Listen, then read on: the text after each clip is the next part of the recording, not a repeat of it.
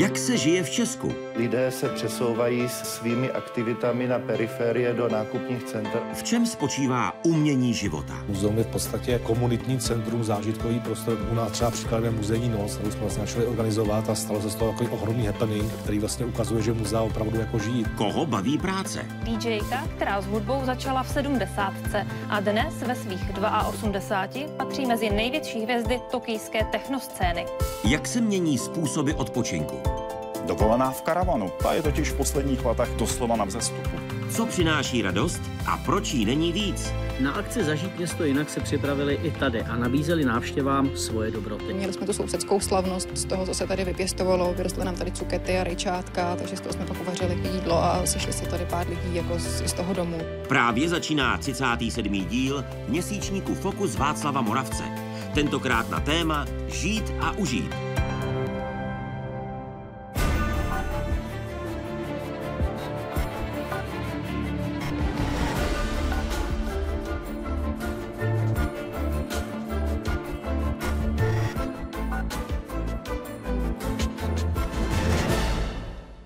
Zatímco ztrácíme svůj čas váháním a odkládáním, život utíká, pravil římský filozof Seneca.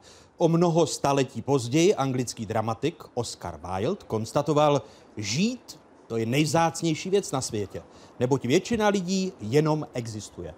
O různých podobách žití a užívání si a to nejen v dnešní době, v době postmoderní, ale i v časech předchozích, bude řeč v dnešním fokusu. Při jeho sledování vítám vás, diváky z Pravodajské 24 České televize, ale i publikum tady v restauraci na lodi ukotvené u Vltavy v centru Prahy. Dobrý večer, vítejte.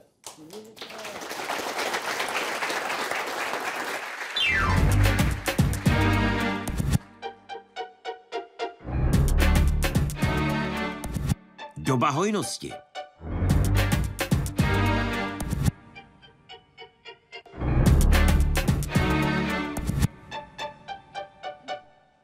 První kapitolu dnešního fokusu otevírají herečka Chantal Pulen. Vítejte. Ježiši, dobrý večer. Jaký pak Ježíši? Hezký dobrý večer, vítejte. to nemě vždycky to padne první, že jo. A vítám i historika Karla Černého. Hezký dobrý večer, pane docente. Karel Černý je ředitelem Ústavu dějin lékařství a cizích jazyků první lékařské fakulty Univerzity Karlovy. Proměňovala se podoba užívání si ve staletích? Eh, tak to zcela nepochybně. Eh, je otázka, co jsme si vlastně v minulosti užívali. Eh, já, když jsem se dozvěděl, že tady bude pořád s takovýmhle tématem, tak jsem strávil docela dlouhou dobu tím, že jsem uvažoval o tom, čeho si užíváme.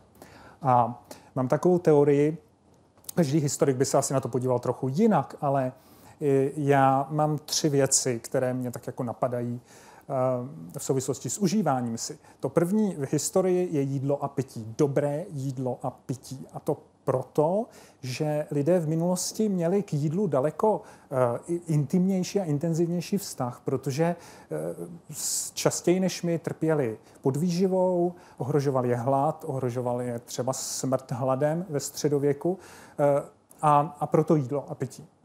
Uh, ta druhá věc, uh, to je trochu abstraktní pojem, a je to, je to, je to hra. Hra, eh, kterou bych definoval jako, eh, jako vyjádření osobní svobody, jako, eh, jako něco, co nám skýtá potěšení, jako něco, co bývá často provázeno vyprávěním nějakého příběhu, a, a, a něco, co je vlastně základem kultury. Hra jako základ kultury.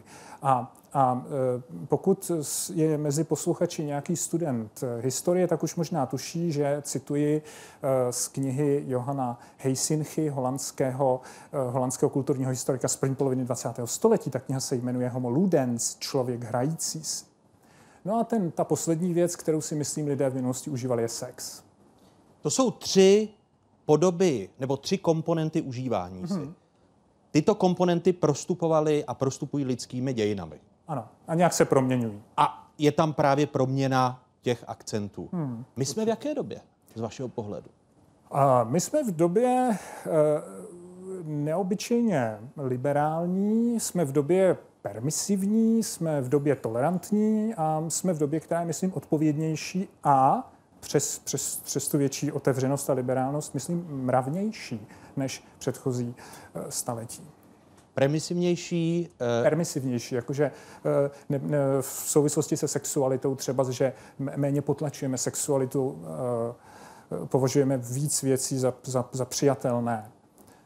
Přidala by Chantal Poulen k těm komponentám užívání si nějakou?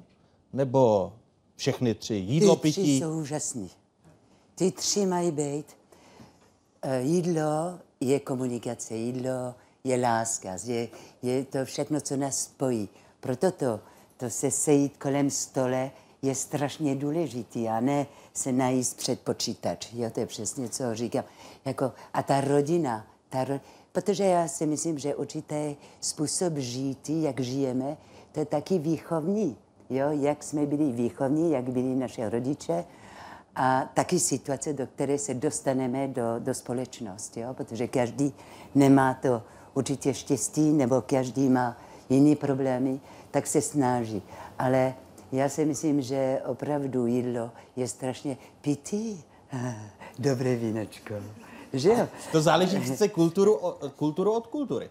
Eh, kultura od kultury má jiný přístup i k tomu jídlu a pití v současnosti. To znamená, no. nejsou tady jenom proto... dobové rozdíly, ale i kulturní rozdíly. Jo, kulturní a to proto ta, ta výchova. Vezme si člověk vás jako francouze, no. tak vy k jídlu a k pití v rámci vaší národní no. kultury máte asi jiný vztah, než mají Češi, Moravané a Slezané. Tak to já nemám rád ty srovnání, jo každý má svoje kulturu, a taky, ale je to pravda, my jsme francouzi úplně nemožné, že jo. My si dáme snídaní, jo, my jsme o tom mluvili, dlouhé, pak máme oběd a ještě dokončíte oběd a za chvilku máte večeři. A to je už je to trošku někdy už přehnání, ale, ale e, pro mě stůl je e, spojit, spojení a hlavně se radovat. Sex je strašně důležitý taky, jo. to znamená, že ne všechno, souhlasím totální totálně s vámi. Kdy, pokud byste měl etapizovat lidské dějiny, dějiny od Krista, to znamená posledních 2000 let, tak jak to bylo s dobou jídla a pití, hmm. dobou her a dobou sexu? Tak uh, jídlo a pití to je, to je taková docela zajímavá věc, protože uh, o středověku se někdy hovoří jako o Fast and Feast Society. To by se dalo do češtiny přeložit jako, jako doba hladu a hojnosti, společnost hladu a hojnosti. A co to znamená je, že lidé eh, ve středověku vlastně neustále kolísali mezi dvěma eh, extrémy. Oni buď neměli vůbec co jíst, a pak, pak najednou vyprodukovali něco, Eh, bylo po sklizni a náhodnou teda rok byl úrodný, měli toho dost, takže, takže v celku nemysleli na to, jak mají jíst zdravě a naopak se snažili prostě najíst, co to šlo. Dějiny her, tady bych si nějakou chronologii ani netroufnul asi vytvářet, ale, ale vidíme třeba, že takové věci jako loterie, to je hra, která v sobě nese nějaký moment vzrušení a, a rizika, tak, tak to je už v antice. Eh, ve středověku přichází věci, jako jsou karetní hry třeba, šachy. No a, a, a v tom ve 20. století potom se objevují počítačové hry a další, další nezajímavé hry. A e, e, sexualita, ta má velmi zajímavou dynamiku. Někdy e, se setkáváme s názorem, že čím dál do minulosti, tím je společnost ve vztahu k sexu restriktivnější, jakože ho víc, víc potlačuje ten, ten sex. Ale to není pravda. Nejvíc restriktivní bylo 19. století. To nejvíc, jak si v vozovkách hyperventilovalo nad tím odhaleným ženským kotníčkem. A kdybychom šli dál od 19. století do minulosti, třeba středověký člověk byl daleko uvolněnější ve vztahu k sexu než než člověk 19. století. Takže my vlastně se ještě vzpamatováváme z toho šoku, který nám to 19. století uštědřilo. Ale zároveň, když se podíváme na konzumaci jídla, tak jsme teď v čase asi největší hojnosti. Ano, ano. E, máme, máme nej... Tedy alespoň západní společnost. Ano, ano, ano, to je důležité. To, to je velmi dobrá poznámka. Civilizační máme, máme nejsnažší přístup ke kaloriím Jiná otázka samozřejmě je, jestli ta výživa jako celek a nejen ty kalorie, kterých už máme dneska dost, jestli ta výživa jako, jak, jako, jako celek je zdravá pro toho jedince. Jo? To, je, to je úplně jiná otázka, která se vyvíjí trošičku odlišným způsobem, ale zhruba od 19. století skutečně poprvé má západní společnost dostatek, eh, dostatek potravin. A od té doby začíná začínají počátky obezity. Že uh-huh. jídlo se stává uh-huh. zbytečnými uh-huh. kaloriemi a společnost uh, začíná uh, umírat na civilizační choroby. Existuje, existuje uh, fascinující případ, který ukazuje, jak se tohle paradoxně vyvíjí. Je to, je to případ úmrtnosti mužů ze severní Karélie. To je část Finska velmi chudá část Finska, kde eh, většinou ti že ženy pracovaly doma a muži pracovali v, eh, v dřevospracujícím průmyslu, prostě těžili, těžili dřevo. Takže venku pracovali, tvrdě fyzicky pracovali. A eh, po polovině 20. století došlo k tomu, že v téhle, v téhle oblasti došlo k dramatickému nárůstu umrtnosti mužů, kteří, kteří umírají ve 30, ve 40 letech. Finská vláda se snažila zjistit, oč šlo a zjistili, že ta ta společnost zbohatla. Oni najednou si mohli dovolit něco, co bylo dřív jenom luxusem a začali jíst máslo, vepřové maso a nejedli skoro nic jiného. Každý den dostávali prostě obrovské množství másla. Ti lidé se vlastně trávili tím, že najednou nebyli chudí. Tím, jak nebyli chudí, tak, tak si způsobovali ty civilizační choroby, které potom zabíjeli třeba o 20 let dřív než obyvatele Malty nebo Řecka nebo Itálie. A ta doba hojnosti, existují, pane docente, prognózy, kde se to zastaví, kde to může u té západní společnosti skončit? Jo, to se musíte zeptat prognostiku. Nikoli historii. Prognostické ústavu.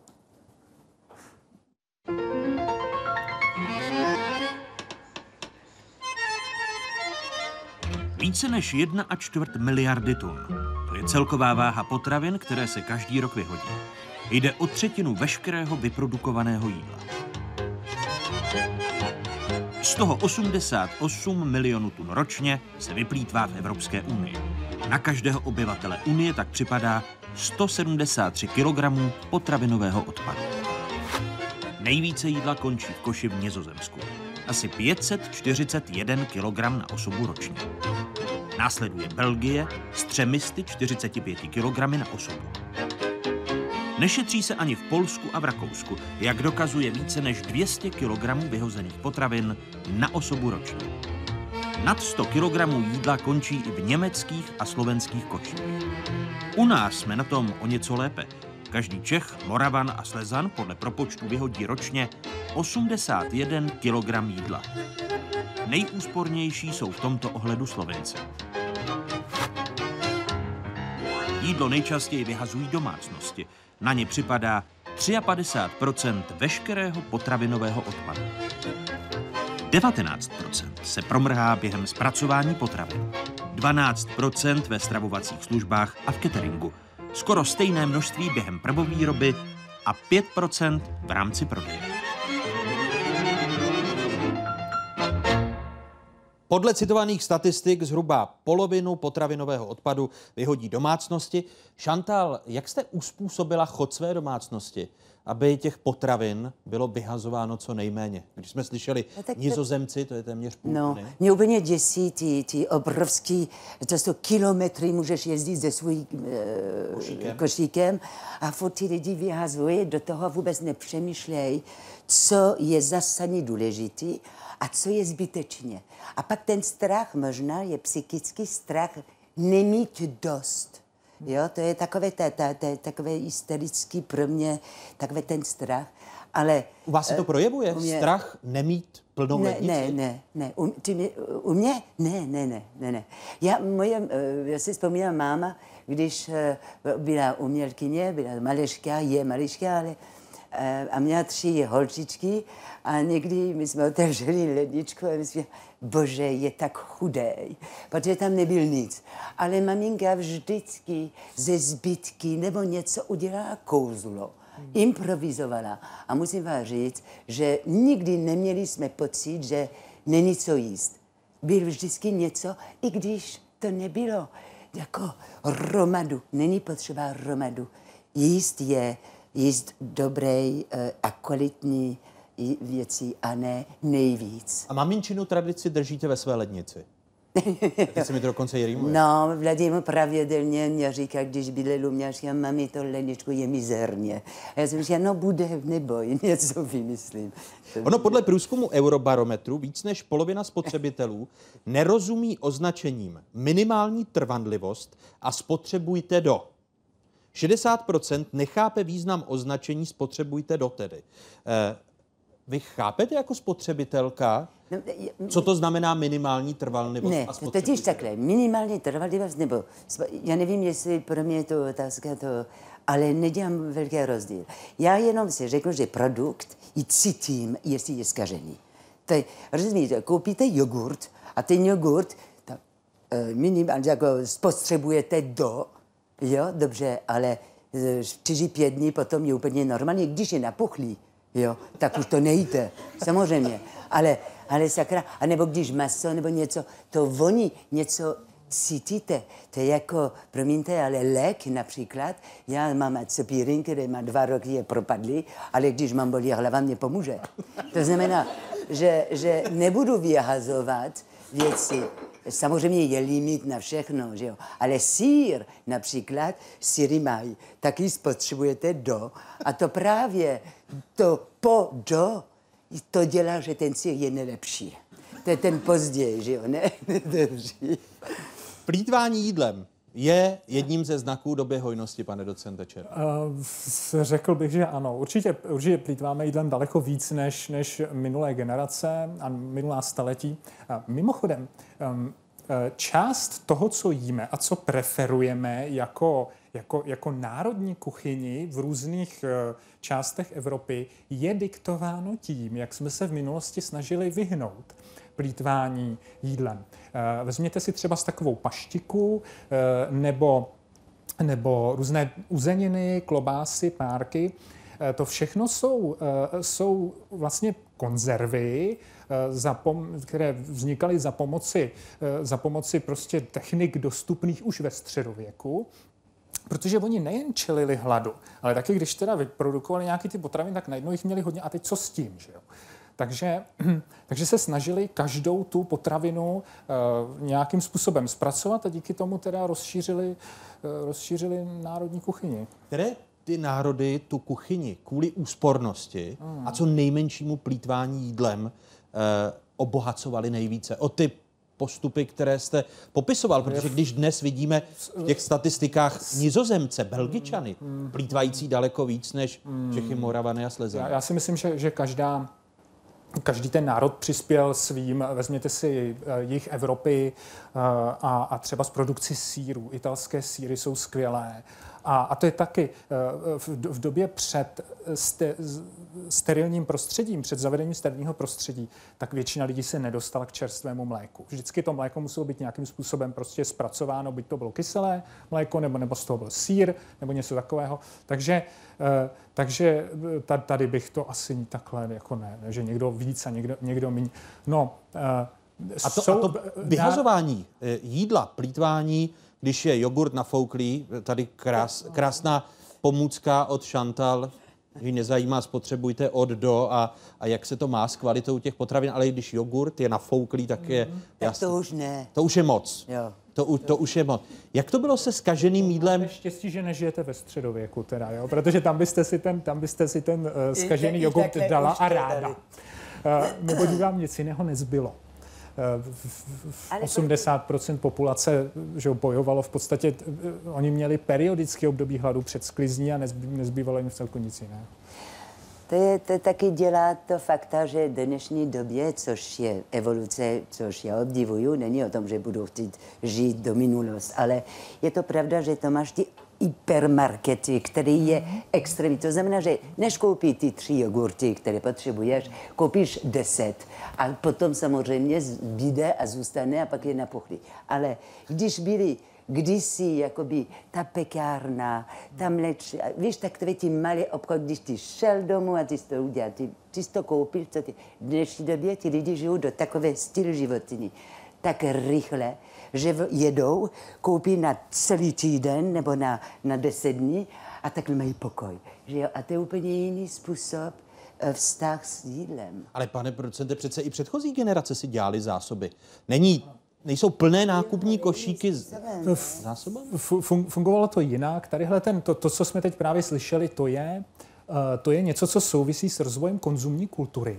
A ta má velmi dlouhou tradici. Ta má tradici, která sahá až do 17. století určitě, kdy vznikají první eh, obchodní domy a vzniká to, to, co bych nazval jako shopping, nakupování pro nakupování jako příjemné trávení volného času. A to už bylo v 17. To je století? 17. století. V Londýně vzniká the, the Royal Exchange, the New Exchange, to jsou ty obchodní domy tam. U nás obchodním domem byl Vladislavský sál. Máme krásné vyobrazení ze začátku 17. století, které je v Národní galerii, eh, na, na kterém je ta, je ta vznešená společnost, která korzuje uprostřed Vladislavského sálu. A po stranách úzdí jsou krámky, kde prodávají uh, knihy, globusy, krásné látky a takovéhle věci. To nebylo pro chudé lidi, to bylo pro tu špičkovou společnost. Špičková společnost tedy ve Vladislavském sále Pražského hradu měla svůj první hypermarket No, na dá, našem, ano, tak takový. Na našem, to byl shopping mall pro... Ano, shopping mall, přesně tak. Trh. Trh, ano, byl to, byl to trh pod, pod střechou. Cigarety, alkohol a drogy. To jsou komodity cenově nejdostupnější pro občany Lucemburska, tedy alespoň podle globálního žebříčku neřestí agentury Bloomberg, která ve více než stovce zemí zkoumala, jakou část průměrného týdenního platu jedinec utratí za balíček cigaret, láhev alkoholu, gram amfetaminu, gram konopí, gram kokainu a gram opioidu. To všechno sice v Lucembursku stojí 206 dolarů. Tyto peníze ale tvoří zhruba 10% místního týdenního výdělku. Kromě Lucemburska si balíček neřestí mohou snadno dovolit lidé na Bahamách, ve Švýcarsku, na Islandu nebo ve Francii. Zmíněné neřesti jsou relativně cenově dostupné i v Německu, kde za ně jedinec dá 21% průměrného týdenního platu a také v Rakousku.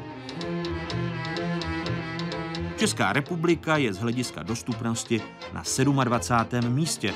Oproti předchozímu šetření si o 7 míst takzvaně polepšila.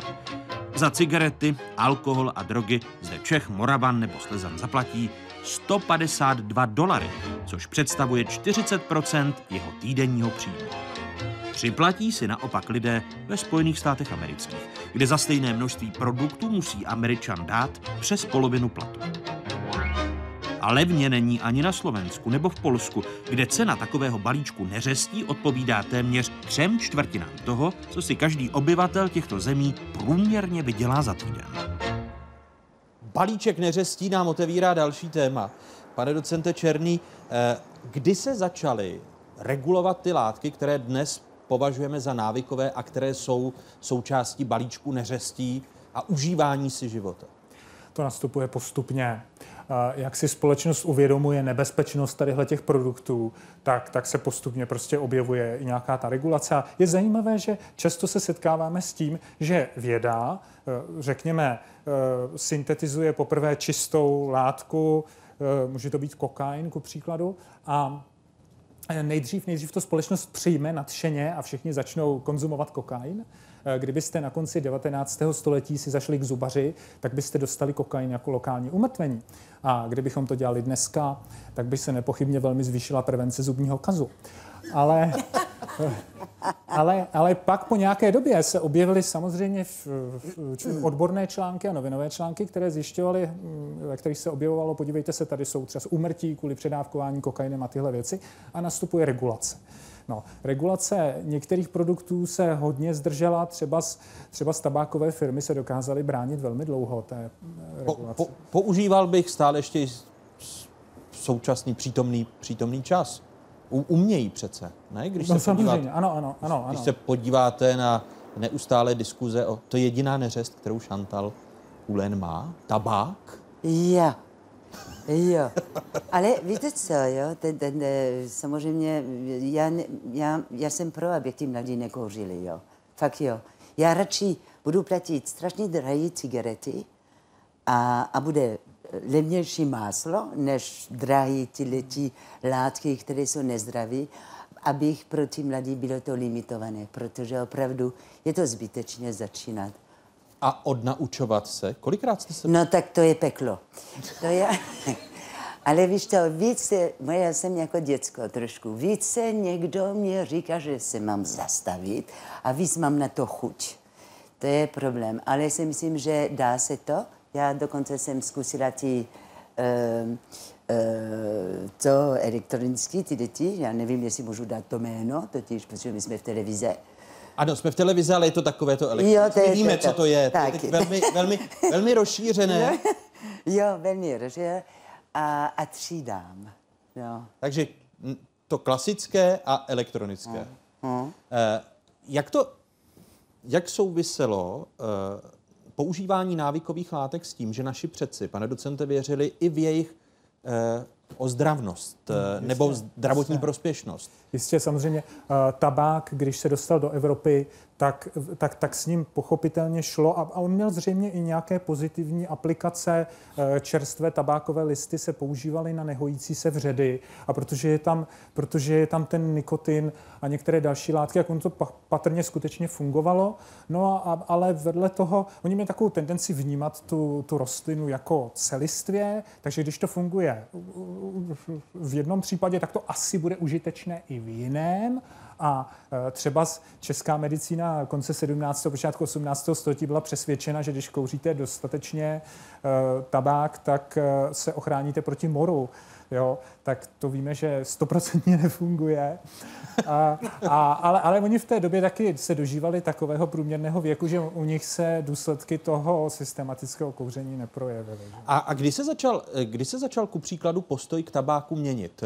Znamená, padl mýtus toho, že tabákem eh, se uchráníme moru a, a že tabák je vlastně No, ty drogou. jsou od začátku. Ty pochybnosti jsou od začátku, eh, ale byla to menšina.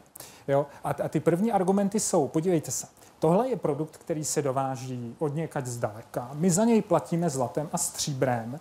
Eh, Ubývá nám z naší státní pokladny a je to jenom pro požitek. Proč bychom to měli platit? Jo? Čili, ty, čili ty, eh, ty argumenty jsou takové spíš jako nacionalistické, ekonomické. A teprve Řekl bych, že ve 20. století se objevují, objevují takové ty solidní argumenty eh, medicínské, které, eh, které to na, narušují jinak tu, tu naprostou dominanci tabáku. A jak je to s alkoholem, ku příkladu? Víno, francouzi? Že Jenom jedna Ano, otázka. Jsem slyšela, že i tabák pomůže proti Alzheimer. Má to někdo, ta informace je pravda, nebo nemáte právo to říct? Tak za prvé, Říká závislý kuřák. Nebo ptá se závislý kuřák. za prvé nejsem lékař, No, no, jsem historik. historik, no. A, a tyhle vě- znalosti, můj otec je lékař a tyhle věci se geneticky Jo. nepřenášejí, takže Zeptejte ho, jo, pro mě. to za prvé. A za druhé považuji to za extrémně nepravděpodobné. Extrémně nepravděpodobně. Dobře. A alkohol, teď se může, protože ku příkladu francouzská kultura žije stále tím tvrzením, že sklenička dobrého vína denně je lék. To je zdraví. Tady máme příklad. Máme zde, ek, máme zde experiment. Platí to? No, Nebo se to také v čase změní? otázka, otázka, co z toho, co z toho je uh, užitek toho, alko, prospěch toho al- alkoholu a co z toho je taková ta nezbytná tradiční, to, to, to, to, že alkohol, v tomto případě víno je součástí té tradice. Ono víno, uh, víno je, je věc, která má v evropské kultuře strašnou sílu, protože je to taky krev Kristova a je tam, je tam tadyhle ta dlouhá náboženský, náboženský vztah. Nemůžete zakázat víno, protože Víno jako součást katolická rituálu. církev a tak dále. Liturgie, přesně tak. Čili, eh, čili s vínem je spojena taková magie, ale stejně tak je to v severní Evropě pivo. Nedovedu si představit vládu, která by, která by vy- vyhlásila, vyhlásila tady úplnou prohibici. Víte, že ve Spojených státech se o to pokusili ve 20. letech a nikam to nevedlo skutečně. Takže Chantal Pulén, herečka a historik eh, Karel Černý, první hosté dnešního Fokusu, tady na eh, lodi, restauraci, která je ukotvena na Vltavě v centru Prahy. Prozatím vám děkuji oběma. Ne, ne, ne, děkuji. Hosty Fokusu Václava Moravce na téma Žít a užít dnes večer jsou herečka Chantal Pulén, historik Karel Černý psychiatr a sexuolog Martin Holý, manažerka a podnikatelka Diana Ráda Rocherová, spisovatel Petr Ludvík a cestovatelka Viktorka Hlaváčková.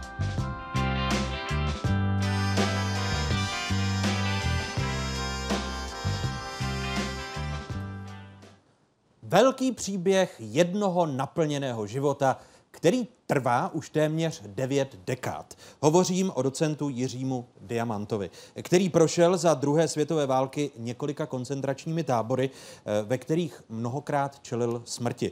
Po srpnu roku 1968 Jiří Diamant eh, emigroval do Holandska, kde se stal uznávaným psychologem.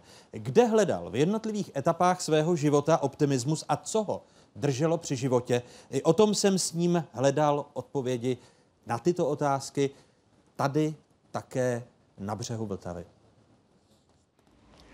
No, podívejte, abych byl upřímný, když se dívám z hlediska své 80, tak je to zázrak, že ještě jsem. Poněvadž já jsem byl asi pět až šestkrát úplně u smrti, čili na pochodu smrti na mě Eh, zřídili revolver, že jo. A pak řekl, tak se otoč a, a uteč. A nestřelil do mě. Do dneška nepochopím, jak mohl ten SSák být tak humánní. No a pak jsem bohužel byl ve styku s proslulým Mengelem, který mě dvakrát selektoval. Kolik vám tehdy bylo, když jste se poprvé podíval smrti do obličeje? 12 let. Já jsem byl tři roky v koncentračních táborech. Terezín, Birkenau, Osvětím a Buchenwald.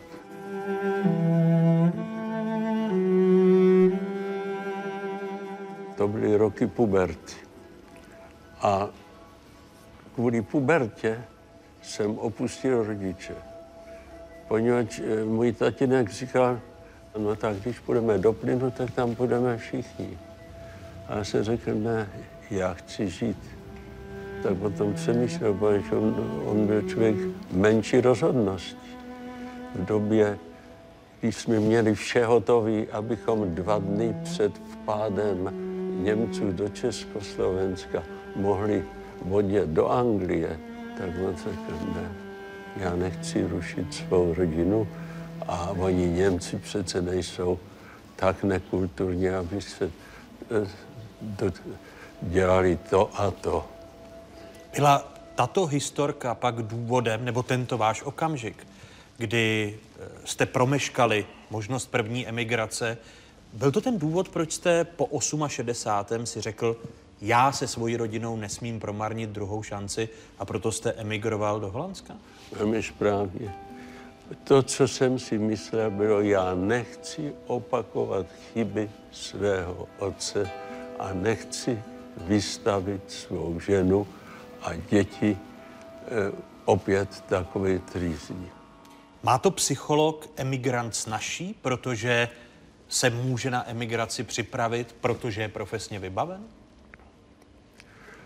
Subjektivně nemyslí, ale já jsem v prvních letech v Holandsku eh, provozoval zdarma eh, psychoterapii u lidí, kteří byli zoufalí, kteří byli depresivní, kteří měli problémy. A tato práce vlastně působila taky na mě. Protože jsem si uvědomil, co je teda zisk emigrace a co jsou ztráty.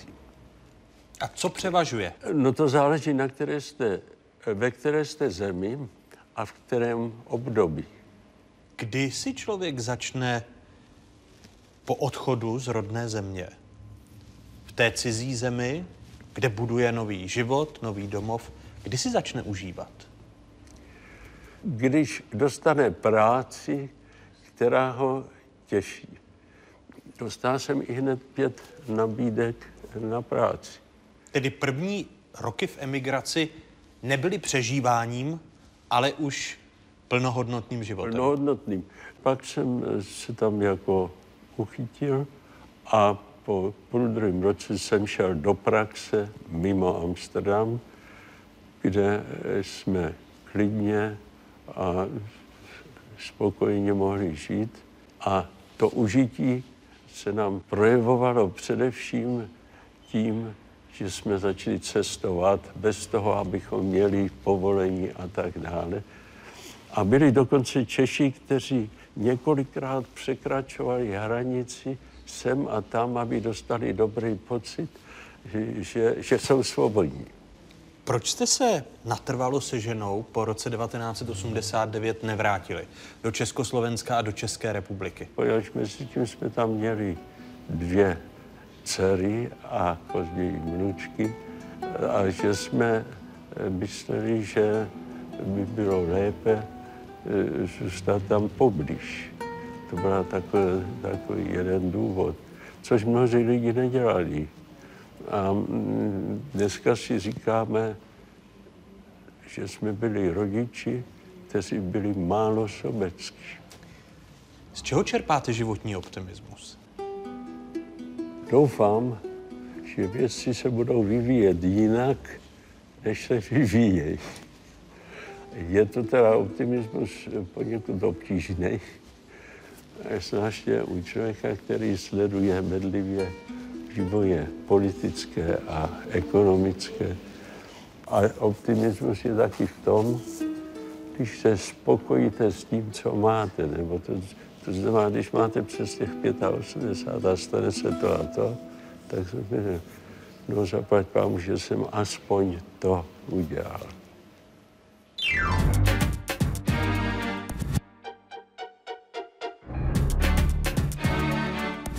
Doba skepse.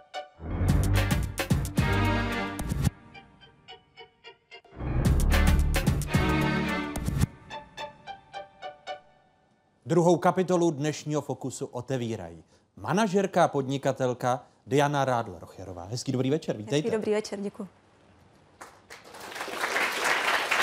A vítám i ředitele psychiatrické nemocnice Bohnice, sexuologa, psychiatra Martina Holeho. Hezký dobrý večer. Dobrý večer. Užívat si života v dobách minulých znamenalo něco jiného než dnes, když si vezmeme životní příběh pana docenta Diamanta, který jsme teď slyšeli. Diano, čím byl pro vás inspirativní ten příběh? No, asi úplně tím pozitivismem, který tam byl. Pro mě, mě to úplně zahřálo srdce. Jednak eh, to, že historicky jeho rodina udělala chybu, to nebylo obraný negativně, byla to chyba a vlastně já jsem se z ty chyby poučil, posunul jsem se dál a vlastně pořád mám ten životní jako náhled na ten život, že vím, že chybovat je normální, ale něco si z toho vezmu, jdu dál a neudělám ji znova. Jo, takže to mě úplně nadchlo. Příběh jednoho z posledních žijících Mengeleho dětí, Martiné? Možná dvě věci, budu reagovat na tu chybu. Uh, jako vždy ty chyby posuzujeme až po tom, co ten čas trochu uběhne dál. Když se rozhodujeme, tak vlastně jako nedokážeme úplně předjímat, tudíž jako neděláme chybu vědomně a to je zase něco, co v životě si musíme taky uvědomit, že v té dané chvíli se často rozhodujeme podle toho, jak to myslíme a, a upřímně myslíme správně. Jiná věc je potom, když se rozhodujeme lajdácky, ale myslím si, že tam to rozhodování probě, probíhalo poctivě. A ta chyba se ukázala až ex post. Takže, takže to je jedna věc. A druhá věc, to je jako něco, co eh, ten příběh jsem neznal, ale vlastně se strašně podobá a příběhům mnoha přeživších a, a mě samozřejmě rezonuje Viktor Frankl, který vlastně jako potom udělal z toho velký krok do taky psychoterapie, kde vlastně tu svoji zkušenost z toho strádání v koncentračním tábore, táboře a pozorování lidí v koncentračních táborech a někteří byli ti, kteří přežívali, kteří měli naději, kteří prostě jako dokázali, dokázali nějakým způsobem ten život uchopit a smysluplné a něco tam dělali od těch, kteří to, kteří to vzdali, tak, tak na, na základě toho postavil svůj jako celý psychoterapeutický systém, který nazýváme logoterapii, který potom úspěšně využíval u lidí, kteří už v době blahobytu si zaměňovali přání za svoje potřeby. No. A to je to, co souvisí s dnešní dobou, dobou hojnosti, která je protchnuta skepsí, když se na ní podíváme, a přitom tam nemáme tu životní zkušenost boje o holý život a touhu přežít. Je to tak, Martin? Je to tak. Je to tak. Uh, přestože když vylezeme do auta a jedeme po D1 anebo jiné... Nové dálnici. jiné nové dálnici, tak, tak, tak uh, jsme vlastně v ohrožení života neustále. A jenom si to jako neuvědomujeme a nějak jsme na to adaptovaní a vnímáme to jako nějakou normu. Taky na tom je možné ilustrovat, jak ten lidský mozek nebo lidská psychika je přizpůsobivá trvalé hrozícímu nebezpečí, ale uh, zpět k tomu nemáme skutečně tu zkušenost. A možná navážu na to, co, co říkal uh, pan docent. A toho střídání, že máme to období hojnosti a období hladu, máme období uh, toho bezpečí a období toho ohrožení. My pořád si jedeme v nějakém permanentním ohrožení, třeba v dopravě, kde jsme na to adaptovaní, jedeme si v nějakém teritoriálním stresu v tramvajích, kdyby jsme krysy zavřeli do takového to prostoru, tak se asi požerou. A, a, a jinak to není. Máme to prostě dané, tak to je. A, tak jsme na to adaptovaní. Takže možná si jenom neuvědomujeme ty některé, některé věci, které jsou skutečně bojem, bojem o život. A proto jsme tak spovíkaní, že nazýváme slovem depka. Něco, co rozhodně depka ne- není, Diano? Asi, asi ano. Jo. Já si myslím, že lidi, tak jak bylo řečeno, tak prostě uh, neustále hledají možná až důvody, jo, proč říct, že něco by mohlo být ještě lepší. To znamená, nejste neustále, jste neustále nespokojený. Já si myslím, že lidé taky často neumí být spokojení sami se sebou a tudíž ta nespokojenost vede k té depce. Jo, takže já si myslím, že to je hodně o spokojenosti a o tom být sám se sebou, umět se sebou žít. To je, proč ta depka jak vy jste ji nazval, podle mě i vzniká. Je to, já jsem by použil slovo, které je hojně rozšířené a které jsme možná vyprázdnili nebo dáváme mu jiný obsah, než ve skutečnosti má. Já si nemyslím, že má nutně jiný obsah, jo? jenom protože to je velmi pocitová věc, jak vy se přece cítíte. A já si myslím, že mnoho lidí je dnes jakési vnitřní depresi, jo? zvlášť to vidím u manažerských pozic, kdy, když eh, prostě jste v těch vyšších pozicích, neustále jste pod stresem. To je ta jako, a my ji vnímáme jako depku. To znamená, vy nemáte tu chvíli ty pohody. Vy odejdete z práce a neustále vám běží mnohým lidem jakoby neustále v hlavě to samý téma. Vy neumíte vypnout. Jo? Takže to je pro mě ta vnitřní jako depka a nemyslím si, že to je o tom, jestli jsme šťastní a máme dobu hojnosti z titulu jídla, pití a všeho, ale je to ten vnitřní jako tlak a ta vnitřní spokojenost sám se sebou a umění. Jak vy mu, jak vy mu odeláváte? Eh, jste teď v tom období, kdybyste mm-hmm. nazvala, mm-hmm. jsem v depce, mám toho mnoho eh, a... Tak eh, já vím, že vždycky toho mám mnoho, ale nikdy jako si nepřipouštím to, aby mě stres jako ovlivňoval tak, že přijdu domů a jsem plná jako věci o práci a tak dále. Já se obklopuju lidma, věřím lidem, jsem optimista, věřím tomu, že všechno se dá zvládnout, když člověk chce, aby hlavně v poklidu. Prostě já to beru tak, ne všechno musí být perfektní a jak to bude, tak to bude. Jo? Není to tak, že jste poloviční kubánka? Je. je. A já si myslím, že v tom je trošku právě i, i to kouzlo jako možná jedna z mála věcí, která mi zůstala. A hrozně moc se si na tom zakládám, že si umím že užívat maličkosti. Já se prostě raduju z každý jako blbosti, když to tak řeknu. A i v práci často říkám, hele, tak já se pochválím, tohle to jsem zvládla, že jo. Všichni na mě pak koukají a říkají, vlastně zvládla. Jo, takže jako já si prostě myslím, že ty lidi si mají užívat i maličkosti. A Češi paradoxně si myslím, že naopak, když se něco daří, tak si pořád kladou tu otázku, no a nemohlo to být ještě lepší? A neudělali jsme, a není to divný, že to je tak dobrý? Jo, takže vlastně místo toho, abyste si to užil, tak si pokládáte dalších pět otázek, proč vlastně to je dobrý. Tedy ve vašich očích jsme my, Češi, Moravané a Slezané lidmi, kteří na ementálu vidí ty díry. Ve své podstatě, ano. A vy řídíte mezinárodní týmy, respektive lidi v 17, v 18 no. zemích, téměř ve 20 mm-hmm. zemích světa. Mm-hmm. Je to naše národní vlastnost, nebo u, u jiných to po, po, pozorujete jiné Já si myslím, že jsou národy, které jsou nám podobné a jiné, které jsou více podobné Kubáncům, takže je to hodně národnostní opravdu v tom, jaký jsme kulturně, je to o kultuře, o tom, jak jsme byli vychovávaní, o rodinném přístupu. Jo, je, je to hodně o důvěře. A já si myslím, že paradoxně Češi mají nižší důvěru, věří méně sami sobě než jiné národy. Projevuje se to i v nápadu pak skutečně těch nemocí, které můžeme označit za nemoci duše, nemoci psychiky?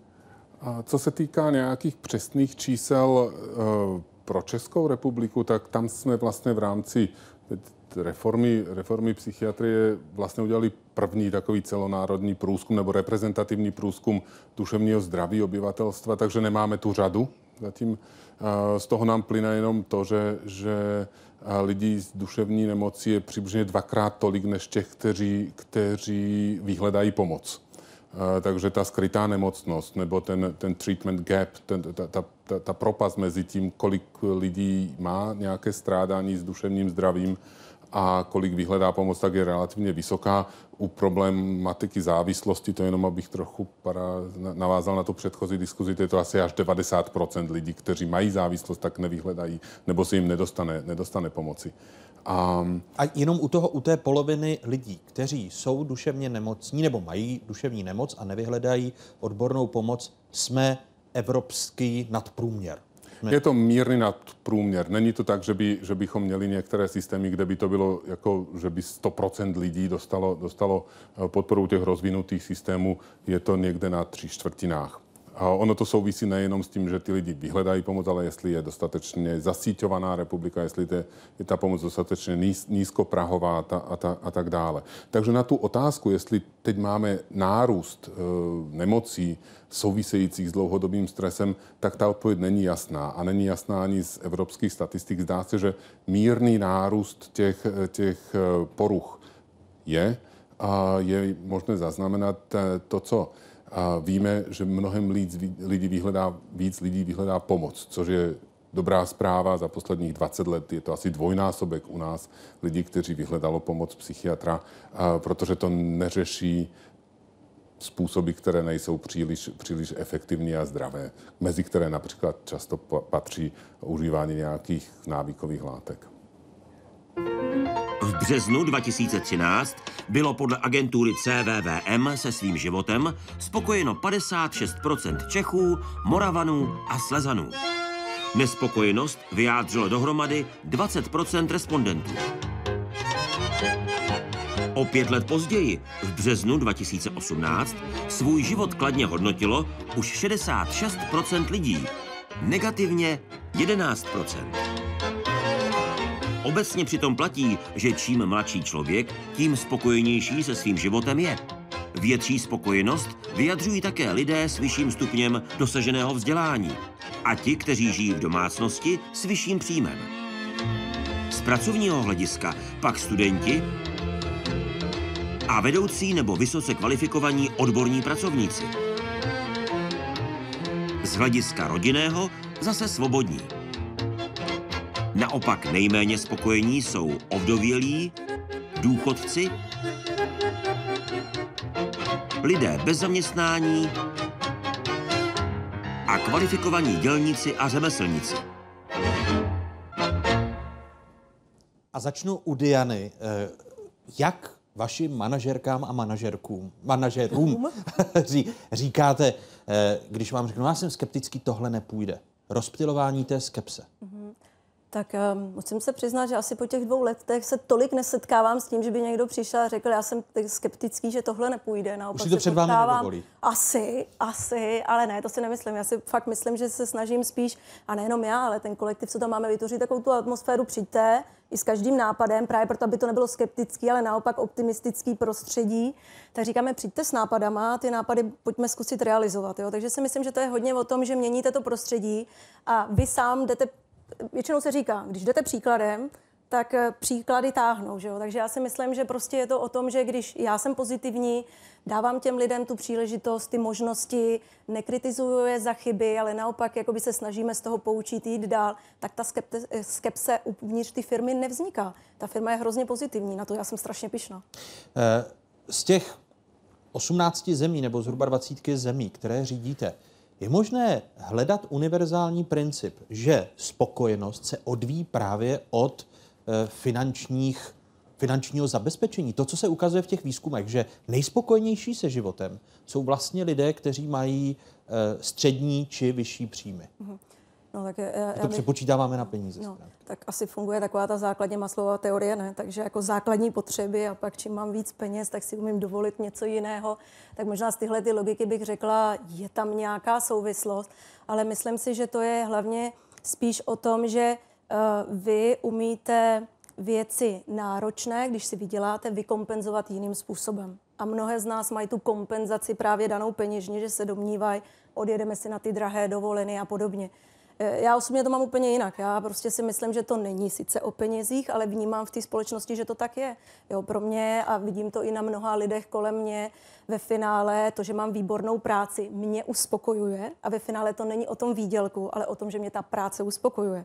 Jo? A proto jsem jakoby spokojenější celkově. Takže si myslím, že než jste spokojený s prací, tak ji máte nechat, máte zkusit něco jiného, protože prostě to není vždycky o těch penězích, je to o ty vaší vnitřní spokojenosti. Martina, nakolik těm psychickým a duševním nemocím přispívá to, že ta společnost je založena jenom na penězích. Že ten, kdo je úspěšný, rovná se musí mít určitý typ nebo určitou značku auta, velký dům s osmi ložnicemi, eh, extrémně to ku příkladu ve Spojených státech amerických. Souvisí to s tím? Je tam ta závislost?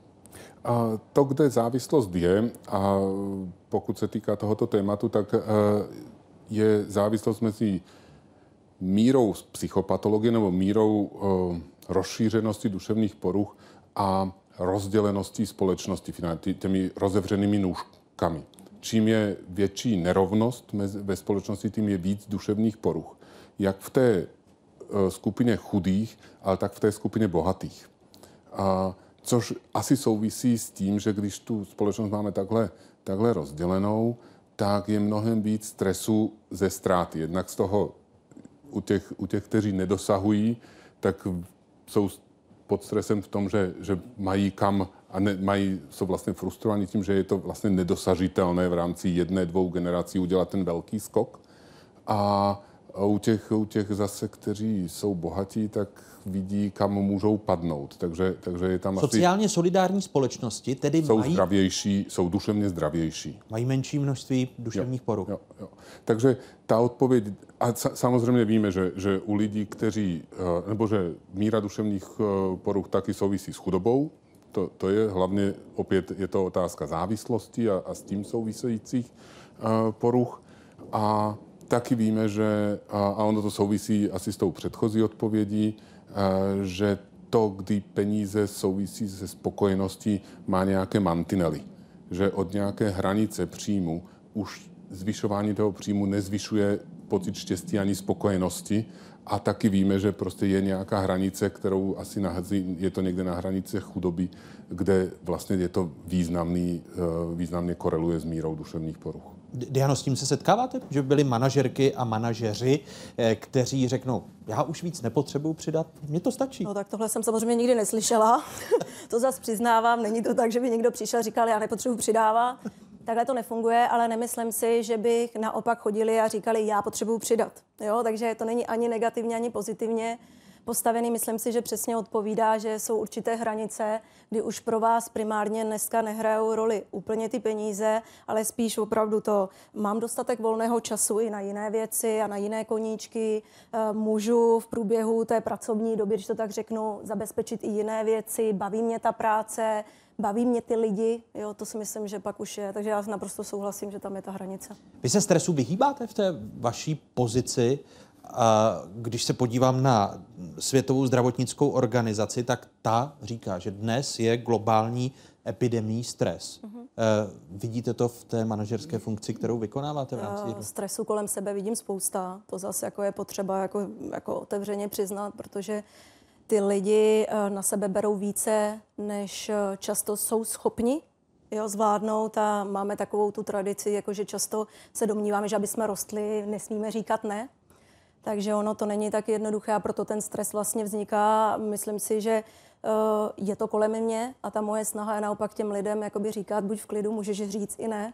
a naopak jsme tady jeden od druhého, aby jsme si pomáhali. Jo. Jaké, jaké systémové kroky je možné třeba ve firmě udělat, Mhm. abyste minimalizovala stres? Protože dostatek stresu pak mají Já si myslím, že to je hodně o takové kombinaci ty kvality života, kterou máte a práce. Protože práce bohužel dneska už je tak jako propojená s tím vaším osobním životem, protože v ní trávíte poměrně, že to je hrozně důležité právě vytvořit to prostředí, ve kterém vy jako člověk se seberealizujete, jste spokojený, víte, že nejste pod takovým tím tlakem permanentně podávat jenom výkony, ale vy jste na prvním místě jako člověk. Jo? A to si myslím, že, že je to, co ty firmy by měly jako mít v sobě. První je člověk. Martine, eh, tenká hranice v dobrém slova smyslu zdravého stresu jako motivátora a stresu, který způsobuje nemoc. Jak ji popsat? A možná tou základní charakteristikou že je, že je velmi individuální.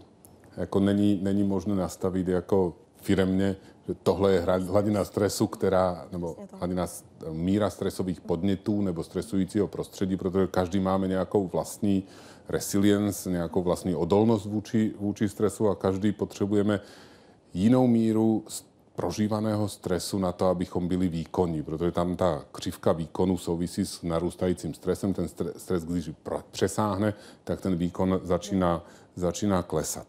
A tohle si myslím, že je eh, velmi důležité, aby každý si dokázal sám u sebe rozpoznat. Není to nic zásadně jako složitého, jenom trochu reflektovat to, jak, co se mi děje, když eh, narůstá stres a kdy to začínáme, kdy to začínám pocitovat jako vý, významně zatěžující. A asi bychom mohli dlouho mluvit o tom, co je chronický stres a jak je to, v, když mám deadline, anebo jak je to, když, když se nedaří celý rok.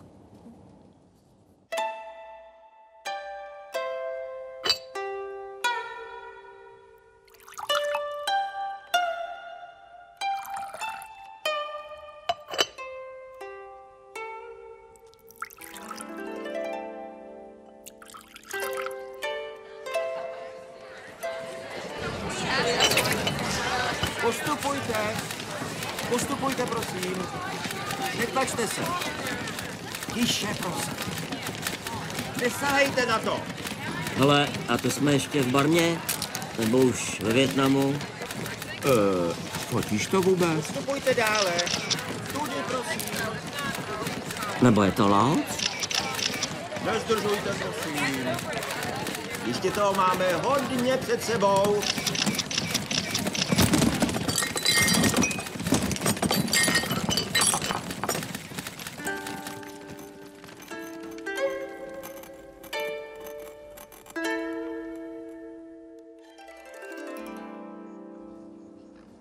Animace Jaroslava Klimeše.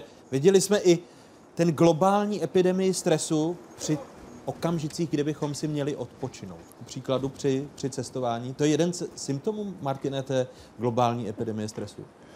A možná je to důsledek toho, jak, eh, co nám je vnucováno nebo představováno eh, v tom rychlém světě, světě změn, že vlastně jako musíme aktivně odpočívat, tak potom je to ten manažer, který si prostě dá skvoř na druhém konci Prahy do diáře na šestou a ví, že to jako stíhat nebude a, a, a celá jako úžasná aktivita je vlastně zatížena, zatížena tím, tím stresem.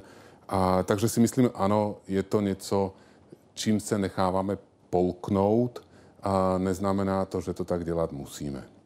Diano, eh, odlišné způsoby toho, jak lidé přistupují k práci A jak si užívají ten volný čas, ku příkladu při cestování a dovolených, je také dán kulturními a národními odlišnostmi, když se na to podíváte?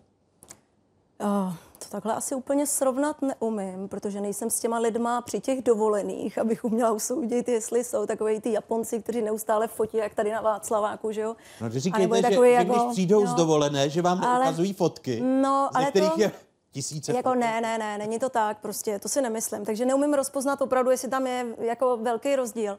Ale posuzuju to podle sebe a svého třeba právě těch kubánských jako kořenů.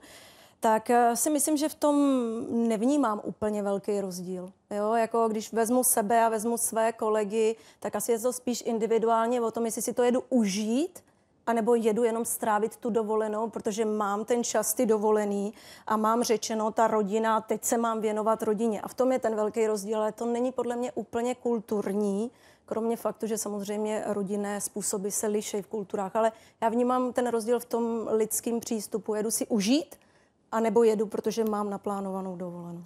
Eh, Karel Černý, který byl hostem v první kapitole, říkal, jsem historik, nejsem prognostik. Mm-hmm. Vím, že vy nejste historici, ale, ale eh, nevnímáme podle vás eh, dnes méně ty hranice odpočinku a práce, protože se nám prolínají mm-hmm. a to je jeden z důvodů, proč se stresujeme a proč si neumíme užívat? Mm-hmm. Diano. Já, já jsem to i vlastně naznačovala, že ta práce a životní eh, jakoby způsoby se fakt strašně prolínají, takže si myslím, že to spolu souvisí, že neznáme tu mes, jakoby nemáme ji vnitřně, jsme vlastně, i, i, dalo by se říct, zmatení. Já to pozoruji na sobě, protože jsem poměrně jako pohodová, optimistická, hodně i hysterická občas, jo, protože člověk musí se jako vy to, že jo. Máte ten ventil uh, Přesně, pak přesně tak. tak si myslím, že, že je jako důležitý vědět a mít takovej ten, tu možnost si v jednom okamžiku říct a dost a tady je to opravdu jenom o mně a o mé rodině, i když pro mě rodina je velká škála teda, tak o mě a o té mé rodině a zapomenout úplně na tu práci. Je to strašně těžký dneska. Je to fakt strašně těžký, takže souhlasím s tím, že se to potírá. Jako, mm, nespomínám si, kdy se mi naposled stalo na dovolený, že bych se nepodívala na telefon, Jo, takže je to daný sociálníma sítěma, je to daný prostě technologií, kterou máme. Že předchozí generace tu dělící Možnost. čáru měli eh, zřetelnější, Martine, nebo je to spíš uh, náš optimismus a vnímání, jak žili generace předchozí?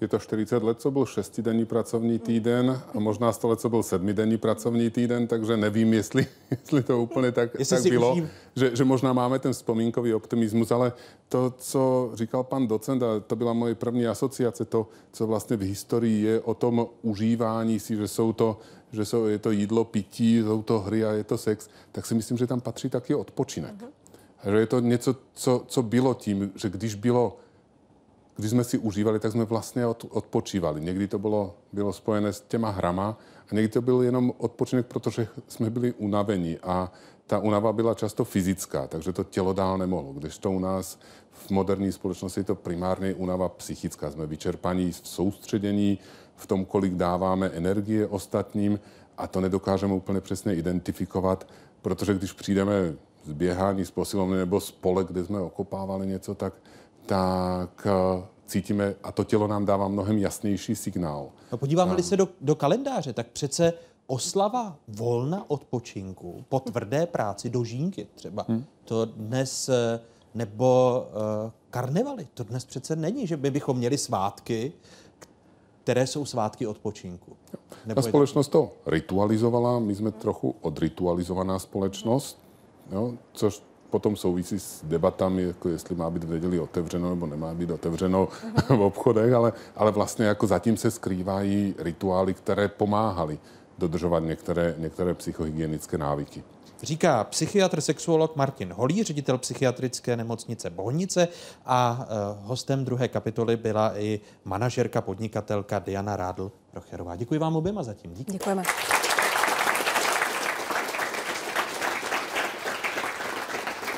Co je práce a co je zábava? Jaderná elektrárna Dukovany. Hned vedle reaktorů a chladících věží si pracovníci založili bylinkovou zahrádku. Převleču se a první, co udělám, vstoupnu si senka na zahrádku, ošmikám, co potřebuji. Je život naplněný prací přežitek? Bez ohledu na odměnu a volný čas vyrážejí s barvami do lesů.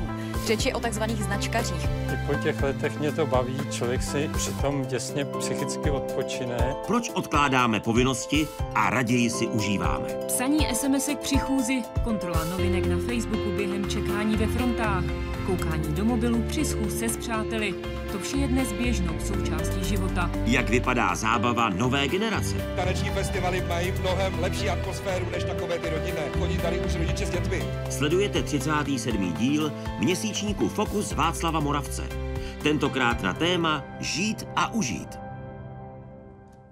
Práci si vydělávají jen proto, aby se mohli věnovat tomu, v čem jsou skutečně dobří a v čem se realizují. Tedy ve svém koníčku. V tomto světě jsou hvězdami, přitom třeba jejich sousedé v paneláku o tom nemusí mít ani tušení. Jako Karolína Zálešňáková, jedna z nejúspěšnějších autorek kostýmů v České republice a na Slovensku. Natáčela o ní Marta Pilařová.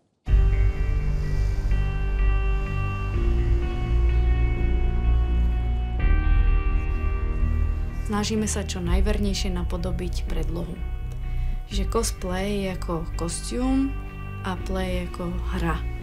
Že ono, keď to spojíme, tak vy musíme mať uh, kostým najvernejší predlohe a musíme ho vedieť aj odprezentovať. Že ja som najprv pozerala na svoju maminku, že sa venovala babkám a babkoherectvu, tak ma zaujímalo, čo to vlastne robí, ako to robí, takže som sa už naučila jak prácu s moduritom alebo s nejakou hmotou, jak s textilom, tak rôznymi inými technikami. A so sesternicou a sestrou sme si spravili teda kostým Xeny. Otec nám spravil zbranie drevené, ja som spravila kostým, všetky sme byli rovnaké a už sa išlo teda No a my se jdeme pustit do té proměny, teda do koho se No. začneš proměňovat teďka, do No. jaké postavy. Ukážeme si postavu z online hry Smite a konkrétně Nox, ktorá je vlastně bohyňa noci.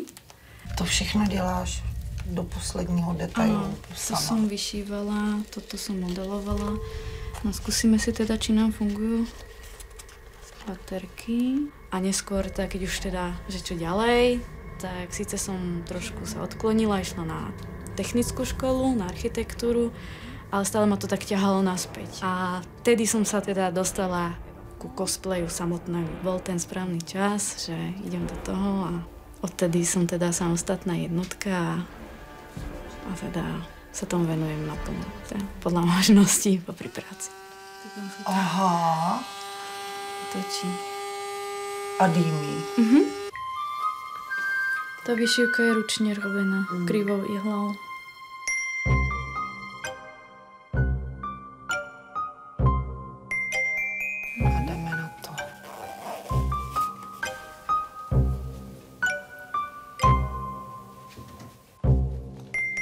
Ono výhoda tohto kostýmu je, že si nemusím dávať umelé riasy, lebo by mi iba zavadzali. Teďka nám ukazuje, že se umíš líčit, ale s čím vším ty vlastně kvůli tady tomu musíš umět dělat. Ja musím vedieť všetko, čo potrebujem. A to je všechno. To je všechno, no. Z kůží, A to, čo, to, čo neviem, tak mám na to kamarátov, ktorí mi to buď vysvetlia, alebo mi poradia, pomôžu, že čo s tým mám vlastne robiť. Keďže ona je temná, tak ja si musím spraviť temné pod očami. To dneska teda tak odľahčíme, lebo inak by sa tu boli 3 hodiny. Nastriekam a prečešem. To je nádherné. Vypadá krásně. Ať nepotrhám ty jemné korálky, že? Přesně tak. A jde to fakt propíchnout? Ano, To, ano. cítíš to už na hlavě? Ano, už mi do hlavy. Jo, promiň. Mě zajímá, jestli, když se vlastně takhle proměňuješ, jestli se i začínáš cítit jako ta bohyně. Popravdě sebavedomie ide hore, ale je to nějaké razantné. Razantní to není, ale přijde mi, že Je to... jako kdyby jemně se chováš trošku, Tak to- trošku přísněji, že z tebe začíná mít větší úctu. Takhle. Tak to je ten vizuál, že? Jo. Nevýhoda takýchto zložitejších eh, cosplayov je ten, že musím mať svojho vlastného helpera vždy. Minimálně jedného. A většinou to bývá kdo? Môj drahý. Teď ja si ho vždy tak počas výroby vždy zas, zaškolím, čo má robiť. A...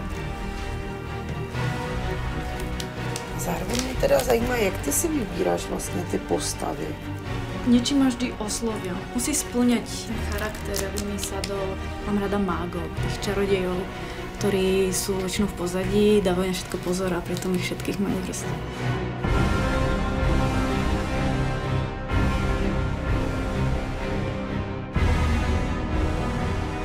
Ja osobne to nejak, nejak nevnímam, že by som sa zmenil, bo predsa len vidím stále s tými istými očami.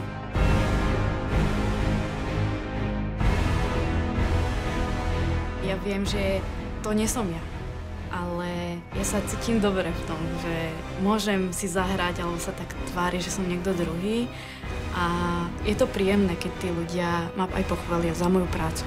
ja sa reprezentujem tým, čo dokážem tými rukami vytvoriť. A to ma na tom strašne moc baví.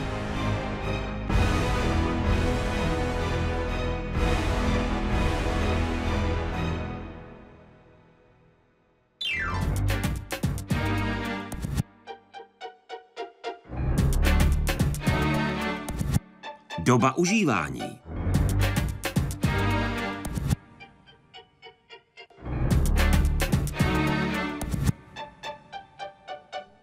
A třetí kapitolu s tímto názvem otevírají cestovatelka Viktorka Hlaváčková. Vítejte, hezký dobrý večer. Děkuji, dobrý večer. A mé pozvání přijal i podnikatel a autor úspěšné knihy Konec prokrastinace Petr Ludvík. Dobrý večer i vám, Petře. Dobrý večer. Ono už to v tomto pořadu zaznělo. Žijeme v době hojnosti, kdy máme všeho dostatek, nebo se nám to alespoň zdá. Eh, Máme snad nejvíce času na eh, vlastní seberealizaci a podobně. Petře, jsou tedy naše životy naplněné? Tak uh, ty studie ukazují to, že dneska docela malý procento lidí vidí smysl v práci. A jelikož v práci trávíme třetinu života, a Česká republika to má asi kolem 8%, že lidi naplňují jejich práce, tak bohužel potom ten celek taky nevychází moc dobře. Takže uh, v porovnání třeba s jinýma státama, se severskými státama nebo uh, třeba s Amerikou, kde třeba 30% lidí naplňuje práce, u nás jenom 8%, tak Česká republika z toho nevychází úplně ideálně. Kde děláme chybu? Já si myslím, že ta chybu dělá často uh, jednak vedení firm, že nedokáže ty lidi do toho dobře namotivovat, že jim nedokáže ukazovat právě smysl toho, co dělají. A právě dneska to není jenom o penězích, ale hodně o firmní kultuře. Máme data, že dneska lidi neopouštějí práci za více penězma, ale už to poráží právě firmní kultura, že lidi odcházejí do míst, kde se k ním bude líp chovat šéf, kde budou dělat uh, v dobrém kolektivu na něčem právě užitečným, smysluplným. Eh, Tedy země, ze kterých bychom si měli vzít příklad a inspiraci jsou které? Z vaší? Třeba Dánsko. Dánsko z toho vychází úplně jako jedna ze zemí uh, nejlépe, že mají nejlepší firmní kultury a ty lidi tam v té práci jsou prostě daleko nadšenější než právě třeba Češi. To procento je tam jak, jak vysoké? 20-30%. 20-30%. Eh, Vy ve své knize píšete, a teď budu s dovolením citovat, širší potenciál přináší více možností volby a s nimi nečekaný problém. Čím více možností máme, tím je obtížnější se pro nějakou rozhodnout. Nastává takzvaná rozhodovací paralýza. Rozhodovací paralýza nám brání prožít život naplno. Právě, protože my máme svobodu a vlastně svoboda vede k tomu, že si můžeme vybrat ze strašně moc možností a často nás ten počet možností právě paralyzuje, že si neumíme rozhodnout.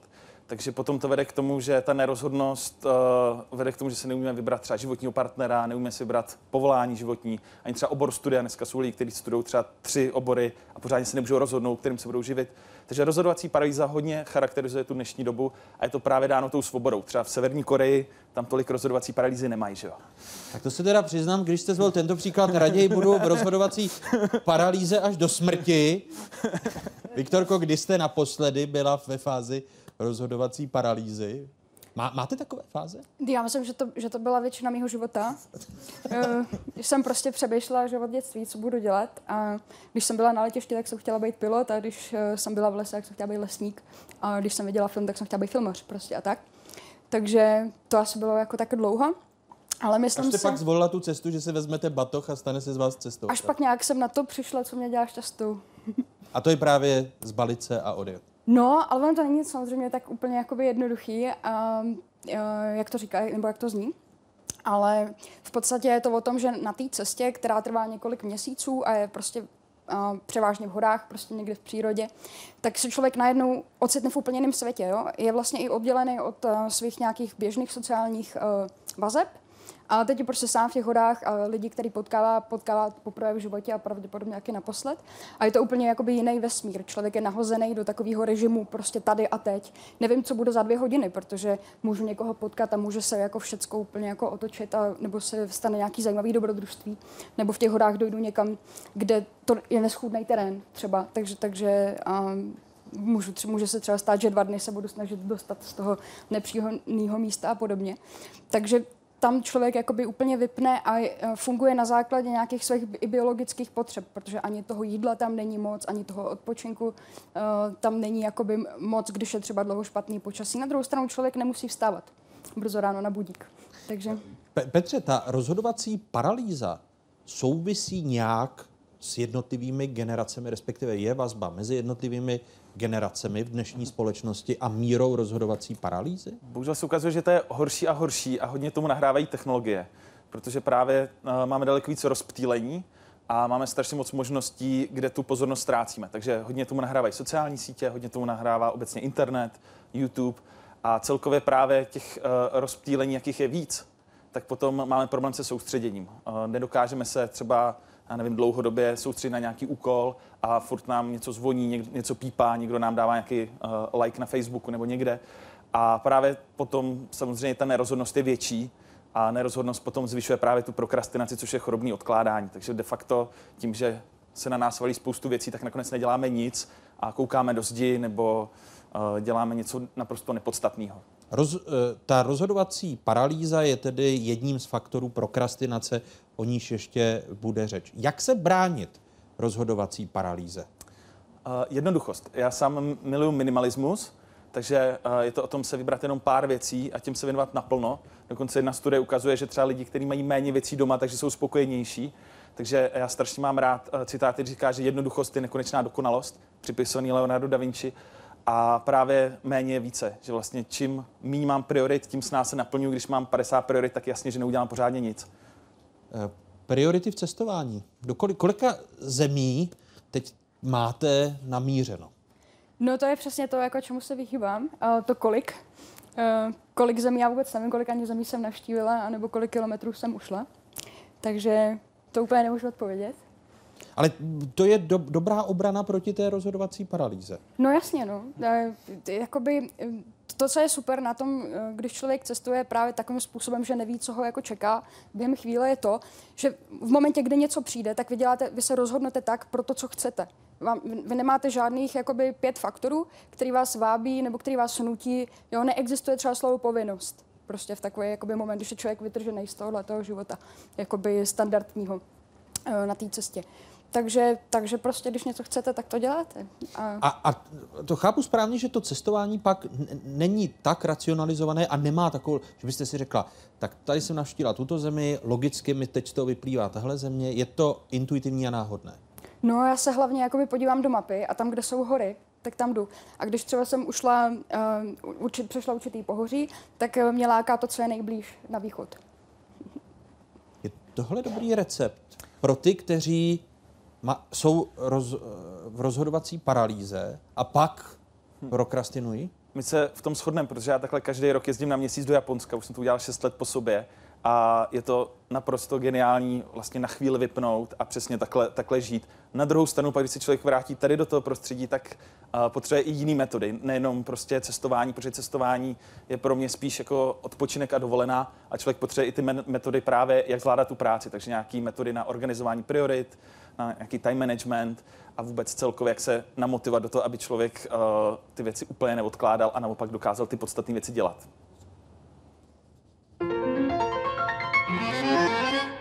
Češi, Moravané a Slezané v roce 2017 trávili dovolenou nejčastěji v Chorvatsku. Celkem tam podnikli 850 tisíc cest. Oblíbenými zahraničními destinacemi byla také Itálie a Slovensko.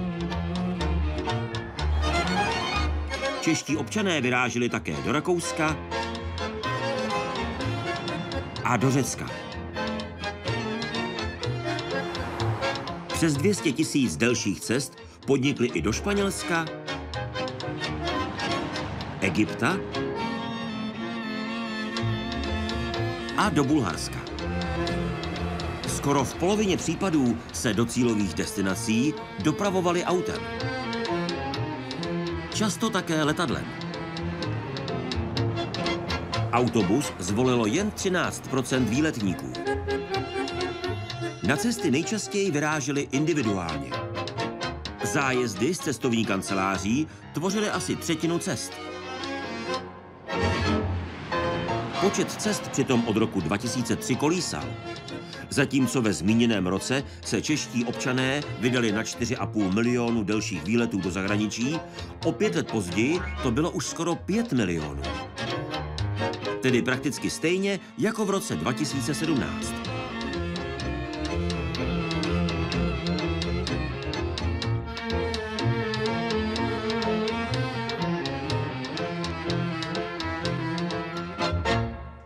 Cestovatelka Viktorka Hlaváčková, která je hostem dnešního Fokusu, se řadí mezi těch 53% lidí, kteří si cesty organizují sami. Jak ta organizace vypadá? To je těžko říct. E, já mám docela dobře promyšlený, co si zbalím sebou, protože třeba právě v těch horách je to docela důležité vědět, co mám a že se na to můžu spolehnout. No a potom tam prostě nějakým způsobem jedu a potom jdu a vlastně nemám to ani moc jako naplánovaný. Já si třeba teďka... Vy jste opravdu dobrodruh. V divočině se nebojíte, nestaly se vám historky, kdybyste se vrhla spíš mezi ty, kteří byli v těch sociologických statistikách, kteří eh, si to užívají v luxusním hotelu s all inclusive. To by asi byla nuda dost. No, ale tak s tím plánováním je to tak, že třeba když jsem se chystala na cestu pěšky přes Kavkaz, tak jsem teprve v Rumunsku si stáhla mapu Gruzie, podle kterých jsem šla. Já chodím podle těch vrstevnic, takže si to stejně naplánuju tak dva dny dopředu, protože když se to naplánujete doma podle mapy, tak ještě nevíte, jak ten terén přesně je a jak přesně odpovídá jakoby té mapě. Takže tak nějak takhle spíš se naplánuju ten cíl, jako ten, to poslední místo, třeba jako břeh Kaspického moře. Jak to člověk kloubí s prací, i když vaší prací je cestování, jsem po... jak to tak? No úplně nevím.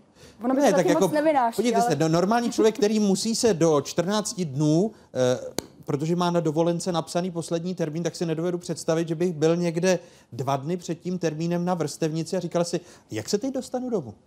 No a to je právě to, čemu se snažím vyhnout na těch cestách, abych nebyla limitovaná nějakým termínem. A, tak... a to, je, to je to pravé užívání si cestovat? To je, to je to. Pe- Petře, vy máte takovou zkušenost? Nebo jste více... O, o, Já většinou mám ten termín toho návratu, takže jakoby takový velký pankáč zase nejsem, ale mám radost z toho, že můžu na té dovolení být dlouho. Jakože ten měsíc si myslím, že až po těch třeba 14 dnech člověk se mu ta mysl trošku uklidní a začne reálně normálně jako třeba, že jde a nemám potřebu se koukat každých pět minut na mobil. Takže dlouhá dovolená, abych to ordinoval všem. Pro, proto každý, každý rok měsíc v Japonsku vy máte. Tak. A proč zrovna Japonsko? Protože Japonsko, eh, já mám strašně rád, jednak člověk tam potká extrémně milí lidi a mám strašně rád japonskou kulturu, sushi, japonský čaje, takže když člověk tam je třeba právě v horách, tak uh, ty lidi tam jsou úplně, že nepotkáte nikoho negativního. A pak, když se člověk vždycky vrací do toho Česka... Promiňte, proto tak, Japonci jezdí k nám? Proto Japonci jezdí k nám, aby viděli, jak, viděli, jak vypadá negativita, že jo? protože oni to neznají. ne, právě, jako, eh, já už to vždycky říkám, že už na tom letišti poznám, která ta skupinka letí do Prahy, protože vidíte takovou tu skupinku takových negativních lidí a říkáte, to poletí do Prahy. A fakt, že jo. Takže Čechy poznáte ča- často z, dál, z dálky, to znáte, že jo. Uh, ne, já to neznám, raději. já si myslím, že my jsme optimističní jak Japonci. Akorát uh, to musíme hodně dolovat. V jedné studii Česká republika skončila jako druhá nejnegativnější země na světě. A před náma bylo jenom Řecko, který v té době měli velkou krizi, takže... Už jsem na tom teď opět dobře. Vy jste se nedávno přestěhoval do New Yorku. Uh, tam děláte tedy co? Mně tam teďka vyšla knížka v, v Americe, tak jsem si říkal, že možná to je jako jednou za život, že člověku vyjde knížka v Americe. A to je, to je konec prokrastinace přeložený do angličtiny. Ano, The End of Procrastination.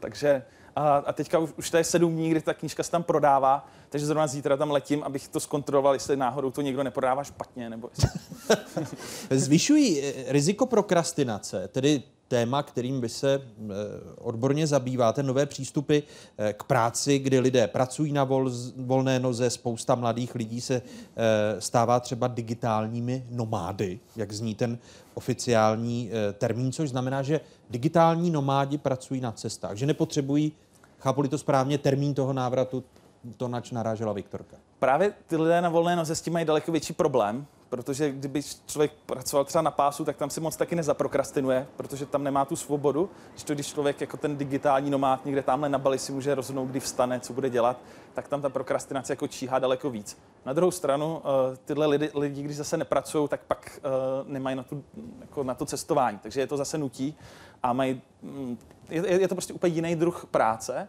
A právě zase ve studiích zjistili, že nejvíc prokrastinují lidi, kteří jsou inteligentní a kreativní, protože inteligentní a kreativní člověk si dokáže vymýšlet velmi propracované výmluvy a to právě často sám před sebou. Takže právě tyhle kreativní profese často prokrastinují úplně nejvíc. Viktorka je prokrastinujícím člověkem. Jenom v takových těch momentech, eh, kdy jsem jakoby zaseknutá v Praze. Proto Na, na cestách to nejde. Na cestě, no to, to jsem pochopil, zvlášť ve vašem podání v divočině prokrastinovat, odkládat, jestli si člověk rozdělá oheň, kdy, kdy, když má přijít noc, tak, eh, ale eh, jak vy se bráníte prokrastinaci, tedy tomu chorobnému odkládání v Praze? No já ji právě nepovažuji za žádný velký problém a proto možná to není prokrastinace, jestli je to chorobné odkládání. Já odkládám nějaké úkoly, ale nepovažuji to za chorobný. Tak to není prokrastinace, to je třeba lenost. Jo, tak to určitě. To zní hůř. Ne, To raději budu prokrastinovat. Já si myslím, že to je docela fajn, jakoby, um, když dělám něco, nějaký úkol a už jako se mi začínají zavařovat závity, takže vlastně přeskočím na něco jiného, co mě jako baví, rozptýlí a pak zase pokračuju. Je ta prokrastinace, tedy chorobné odkládání, problémem mladé generace? Když jste mluvil o sociálních sítích a, a digitálních médiích, tak přispívají oni k nárůstu prokrastinace? Rozhodně ty grafy právě ukazují, že to je horší a horší, že to je teď horší než před pěti lety, před deseti lety. A je to právě s nástupem uh, sociálních sítí. Hodně na to má vliv uh, Instagram, že jedna studie ukazuje, že právě Instagram je v tom úplně nejhorší, protože lidi se tam neustále porovnávají a vlastně vytváří to daleko větší závislost, protože uh, člověk často potom tu svoji hodnotu odvozuje od počtu sledujících, počtu srdíček u fotek.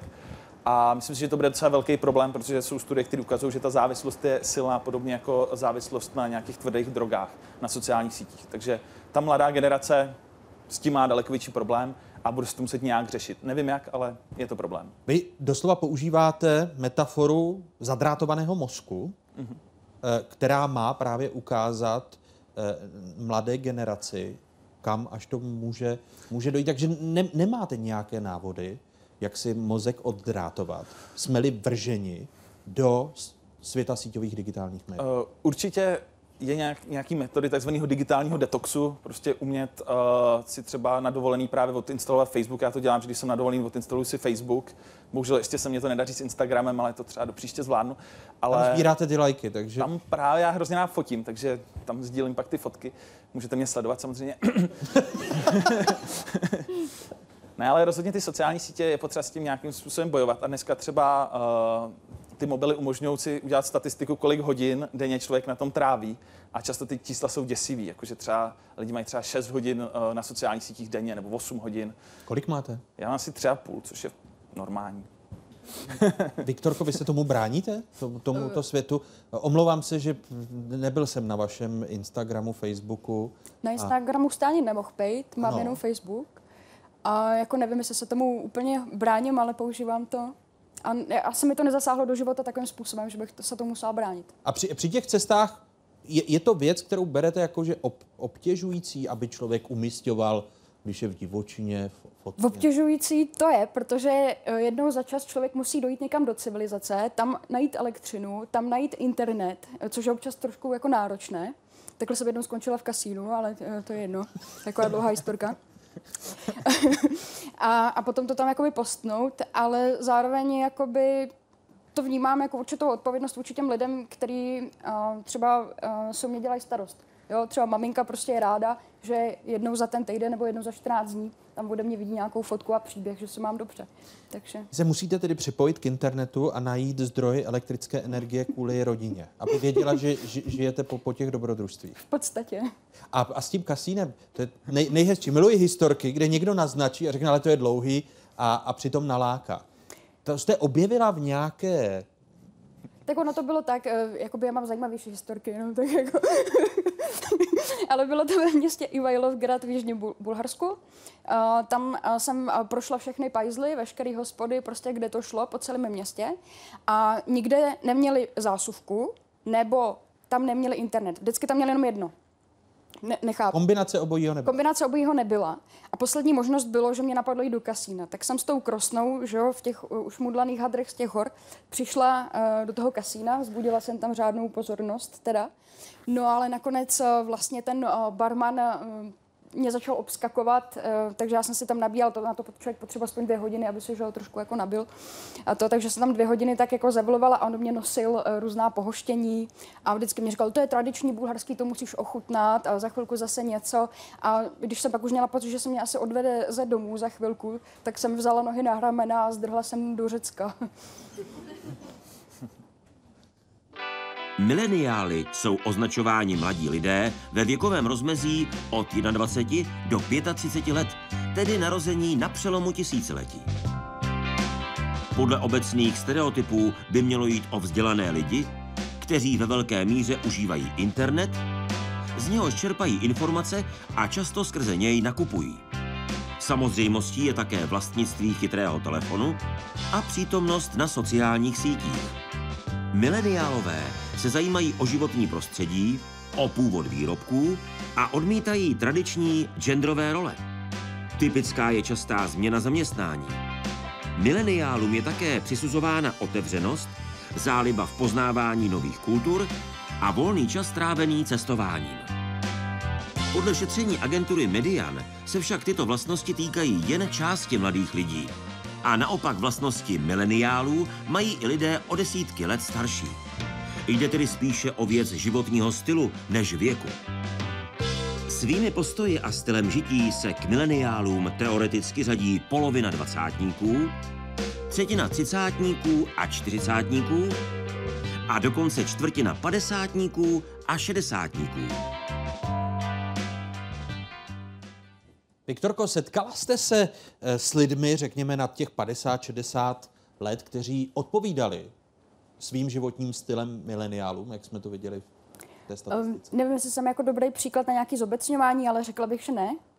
Uh, že spíš jako znám uh, lidi kolem 50, 60, kteří do, dospěli uh, k nějakému uh, dojmu, že teď, by, teď je ten čas ještě Eh, ten život jako užít jakoby kvalitně. A spíš znám teda takovýhle aktivní lidi, kteří právě hodně sportují, hodně jakoby chodí do přírody a moc jim jakoby ty sociální sítě a tak jakoby um, neříkají. Ale znám asi hodně čtyřicátníků, kteří, kteří, kteří odpovídají, odpovídají tady, tady, tady té charakteristice. A mám takový dojem, že to bude možná trošku tím, že ty čtyřicátníci cítí, že stárnou a chtějí jako se ještě jako zmladit, tak se jako snaží napojit se na ten svět mladých, když to ti staří už mají takovou jako sebevědomou představu o tom, co je to štěstí a už se jdou jako tou svojí cestou. Životní moudrost. No. Říkat ti staří lidé, to já bych to nazýval životní moudrost. Protože Pardon. Se, protože my se do toho už blížíme, víte to. Takže vy, vy ale při svých cestách eh, potkáváte vlastně lidi napříč generacemi v různých kulturách, mladé lidi, ku příkladu v těch východních zemích. Eh, jak by se dal popsat jejich životní styl? Mm. To, to se právě vůbec nedá absolutně zobecnit. To je jako kdyby se mě někdo z Azerbajdžanu, a t- taky to dostávám také otázky od těch lidí z východu, jak se žije prostě u nás v Evropě, uh, tak to je, jako by, bych řekla, mnohem pestřejší a zvlášť jako čím víc na východ, tak tím ještě je to pestřejší možná než u nás v Evropě, minimálně pro mě jako evropského pozorovatele. A v těch otázkách, které vám kladou, touží po našem způsobu užívání si? Zkrátka po západním konzumu a, a tom, aby měli eh, hypermarkety otevřené i v neděli? Myslím, že potom touží, protože a, oni jakoby velice intenzivně často sledují televizi, nebo aspoň často ty lidi, které já jakoby potkávám. Třeba vezmu si příklad um, nějaký venkovan třeba z Kavkazu, tak pak, když tam, kde ten člověk žije elektřina, tak prostě sleduje hodně televizi. A pak jsou taky všichni na, na internetu a na Facebooku. Jo? A oni vlastně vidí z těch médií, jak my vlastně Evropani předkládáme ten život v tom luxusu. Jsou to reklamy, seriály prostě a podobně. A oni si představují, že tady to přesně tak všechno je. Že žádná práce, že si prostě jakoby jenom užíváme. A potom zapomínají uh, na tu kvalitu života, kterou mají třeba oni sami. Protože když právě dám za příklad azerbajdžánského venkovana, tak ten člověk má většinu uh, potravy, kterou se vypěstoval sám. Takže vlastně úplně luxusní, bio, drahý potraviny, ale mají toho nadbytek, koupují si akorát třeba rejži, sůl, čaj. Jo. A to je vlastně u nás úplně vzácně. A oni se neuvědomují, nebo my si vzájemně neuvědomujeme, kde jsou takhle tyhle ty uh, různé hodnoty. A vy je edukujete? Říkáte, buďte rádi za vaše bio. Ten blázinec, který vám ukazují v televizi, odtud já přijíždím? Já jsem to párkrát zkoušela, ale ono to moc nefunguje. Oni si myslí, že se z nich dělám legraci, nebo prostě, že je tahám za nos. No. Petře, mila, mileniálové, měnění práce jako jedna z charakteristik, poměrně často mileniálové mění práci. To souvisí s tou rozhodovací paralýzou, nebo je to její součástí? Já si myslím, že ten vliv je uh, hodně o tom, že ty nároky na tu práci se prostě zvýšily. Že dneska člověk fakt chce dělat něco, kde uvidí smysl, nechce, aby na něj uh, křičel šéf, nebo nechce pracovat v kolektivu, kde se prostě necítí dobře, kde se nemá s kým co říct. A tím, že v Česku máme nejmenší nezaměstnanost celé Evropské unie, tak my si dneska opravdu můžeme vybírat víc než kdy jindy a ta mladá generace to prostě cítí a hledá. A já si myslím, že to je dobře, protože opravdu, když potom člověk najde, tak klidně v té práci může vydržet dlouho. Já třeba doufám, že za 50 let klidně budu dělat tu samou práci, protože jsem prostě to své našel, ale strašně potom mně přijde, že je důležitý opravdu hledat, najít tu odvahu k té změně, když mě to nevyhovuje a prostě ten život je dneska dlouhý, statisticky žijeme dvakrát díl než lidi před 100 lety, takže prostě můžeme zkoušet a já myslím, že to je dobře, že to není špatně. Dá se tedy říci, že tím, že můžeme zkoušet, eh, můžeme dělat práci, která nás co nejvíce baví, že to je výhoda té současné společnosti, v ní žijeme. Určitě. A myslím si, že právě tím, že žijeme díl, tak uh, už to není o tom, jako třeba Japonci často pracují v jedné firmě celý život, a vlastně vůbec tam není běžný, aby člověk změnil práci, což není úplně ideální. A já si myslím, že my právě tady v té Evropě v tomhle máme ten komfort, že můžu opravdu za život vyzkoušet klidně naprosto odlišný práce, můžu chvíli dělat kostýmy, můžu pak zkusit pracovat v korporaci, můžu pak třeba se živit tím, že budu cestovat a fotit nějaké fotky a tak dále. Takže uh, myslím si, že to je výhoda té Evropy. Radíte zaměstnavatelům, setkáváte se často s tím, že těm novým trendům a generaci mileniálů a životnímu stylu mileniálů jdou naproti? Uh, je to nutnost, protože tím, že máme nejmenší nezaměstnanost, tak vlastně dřív člověk napsal inzerát a ozvalo se mu 20 lidí, dneska to je přesně naopak, že prostě na 20 inzerátů je jeden uchazeč, takže ty firmy opravdu na sobě musí vnitřně pracovat. Nestačí udělat jenom hezký inzerát, máme super kulturu a pak ten člověk přijde jako uh, skutek utek, ale opravdu ty firmy zevnitř musí mít uh, nějaký dobrý standard. Takže je dobrý tlak na ty firmy, aby na sobě pracovali a oni opravdu pracují a potom, když ty firmy tu kulturu mají dobrou, tak opravdu dokážou oslovit uh, talenty, dokážou oslovit daleko víc, víc lidí. Takže já, já myslím, že v tom funguje docela dobře evoluce, že se daří těm, kteří to dělají dobře a potom se nedaří těm, kteří to teda dělají špatně. Podnikatel, manažer, autor knihy Konec prokrastinace Petr Ludvík a cestovatelka Viktorka Hlaváčková zůstávají hosty Fokusu. Prozatím děkuju.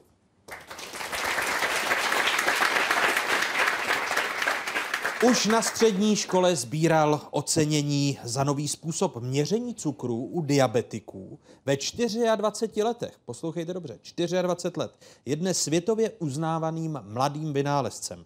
Vědě věnuje veškerou svoji energii a největší uspokojení mu podle jeho slov přináší to, když jeho poznatky posunují vývoj ve společnosti dál. Seznamte se s geniem Markem Novákem. Přes tu středoškolskou odbornou činnost jsem se dostal dvakrát do Spojených států na obrovskou mezinárodní soutěž, která se jmenuje ISEF a podařilo se mi tam dvakrát obhájit druhé hlavní místo. Plus jsem dostal i nějaké další speciální ceny od uh, různých firm, včetně NASA, včetně vlastně kosmické agentury. Myslím si, že tohle byl můj hlavní takový motivátor, co mě prostě namotivovalo, že asi jsem dobrý v tom, co prostě dělám a že má smysl v tom nějakým způsobem pokračovat. Principem celé endoskopické techniky je v podstatě to, že se rozlepí stěna zažívacího traktu a v tomto uměle vytvořeném prostoru jsme schopni nejenom resekovat, nejenom odstraňovat nádory, ale jsme také schopni implantovat.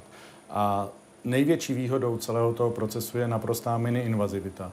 Ovšem zásadním problémem bylo, jak to vlastní zařízení do té malé kapsy relativně dostat, což byl vlastně hlavní Markův úkol. S tou, s tou, s tou mini-invazivností souvisí i ta miniaturizace toho zařízení, kdy dnes už na trhu jsou vlastně i, mm, stimulátory, které se používají, ale jejich hlavní nevýhoda spočívá v tom, že hlavní část toho zařízení je ta baterie. My v podstatě už teď máme k dispozici prototyp zařízení, které nevyžaduje žádnou baterku. To znamená, hovoříme o objemu toho zařízení, dejme tomu do 1 ml protože velkou část pacientů a nebo i lidí pálí žáha, takže eh, vlastně toto zařízení by mohlo ovládat dolní jícnový svěrač a uzavírat ho v okamžiku, kdy ta šťáva eh, se vlastně dostává zpětně do toho jícnu a ty pacienti si stěžují na pálení žáhy eh, a tak dál. To se nazývá refluxní choroba jícnu a to byl hlavní, nebo je to náš současný cíl celých těchto experimentů.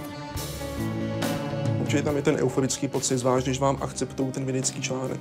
Dá se říct, s doktorem Hajerem už jsme si to svoje prvenství odbyli, protože už ty naše věci jsou publikovány, takže to, že jsme s tím začali, už nám vlastně nikdo, nikdo nesebere. A tam byla ta euforie. Tam byla ta euforie. Došli jsme do restauračního zařízení, slušně řečeno.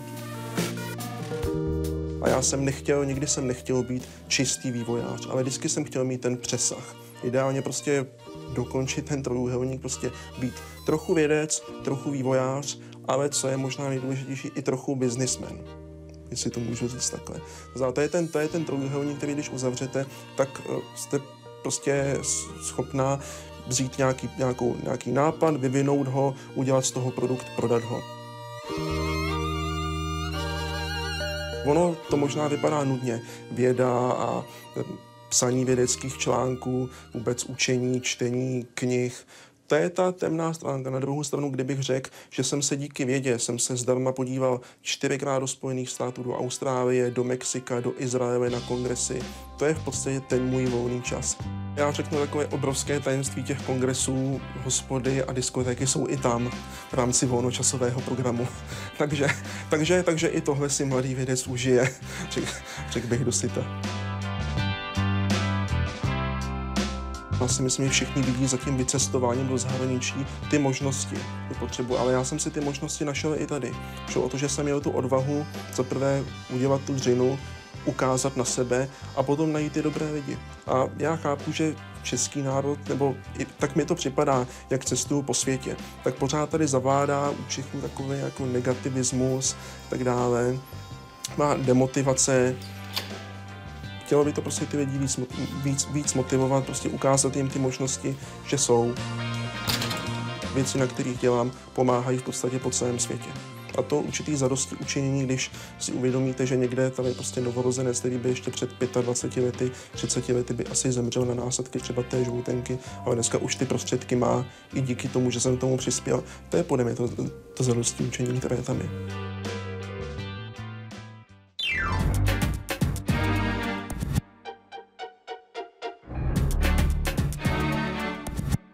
Nová doba.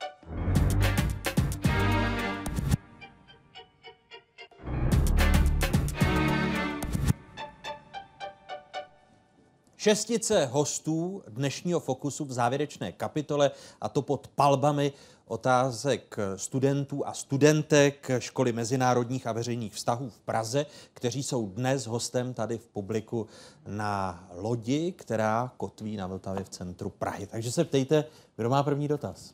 Tady. Dobrý večer. Já bych se vás chtěla zeptat, pane docente Karl Černý, jaký je váš názor na biopotraviny, jelikož hodně lidí si myslí, že je to jenom moderní styl života, anebo že to je správný směr. Tak jaký na to máte názor vy? No, tak to je, to je strašně zajímavá otázka, protože, uh, protože na jednu stranu platí, že lidé v minulosti vlastně jedli pořád jenom bio, protože neměli Ečka v té potravě a nebyla tam žádná chemie a tak dále. Ale na druhou stranu, patrně jsem tady taky už zmiňoval, že trpěli často hladem, takže museli spotřebovat doslova a do písmene všecko a někdy eh, šli až tak daleko, že si mleli tu mouku prostě ze žaludů a, a z různých jiných věcí.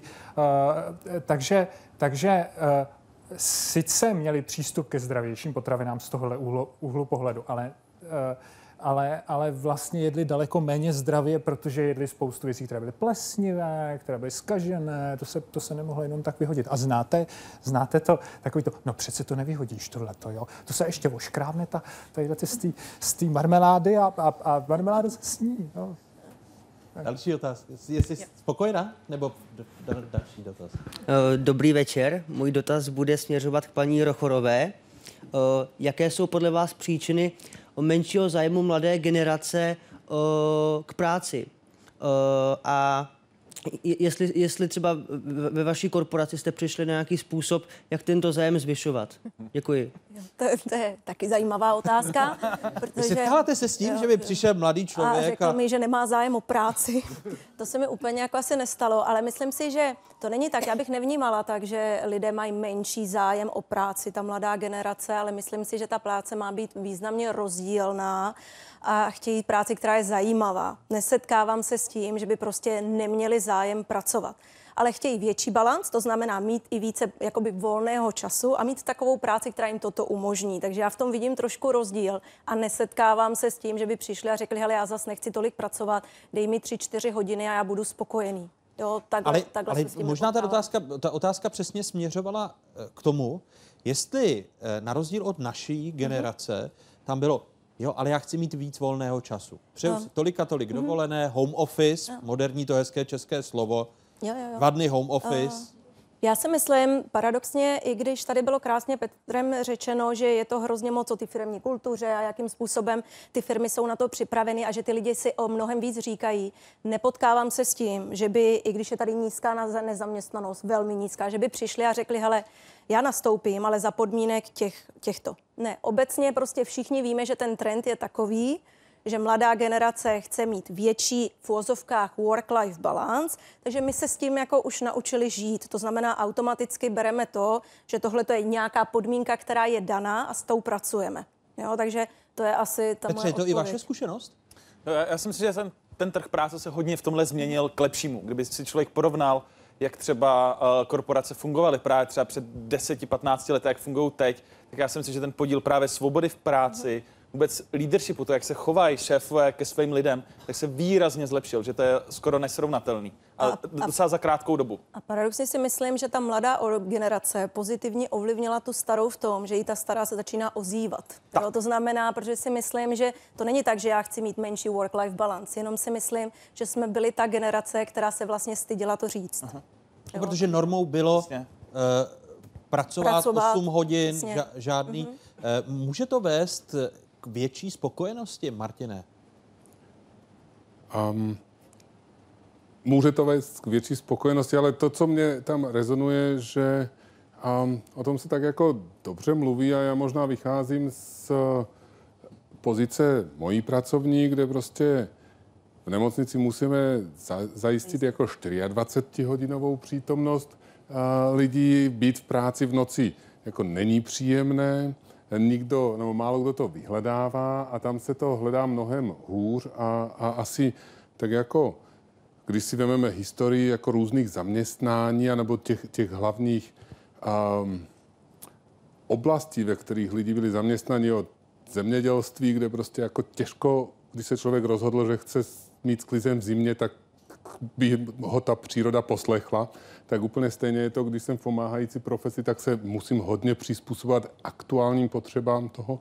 A takže z tohoto, to, to je to, co mi rezonovalo na ty, na ty otázky, že ně, někde asi jsou práce, kde je to jako složitější, ale každopádně ten, to, eh, že nakonec, eh, pokud se nám to podaří, tak je to win-win. To znamená, že je spokojenější jak ten zaměstnanec, tak ten zaměstnavatel. Protože prostě ty lidi musí nakonec, nakonec spolupracovat a ono je asi lepší spolupracovat, než nespolupracovat v životě. No. A může, může to, že existují profese jako pomáhající profese, lékaři, to, eh, tak ten životní styl, který ta generace mileniálů má, že si umí říct o home office a o, o ty výhody, takže vy se budete potýkat s nedostatkem pracovní síly?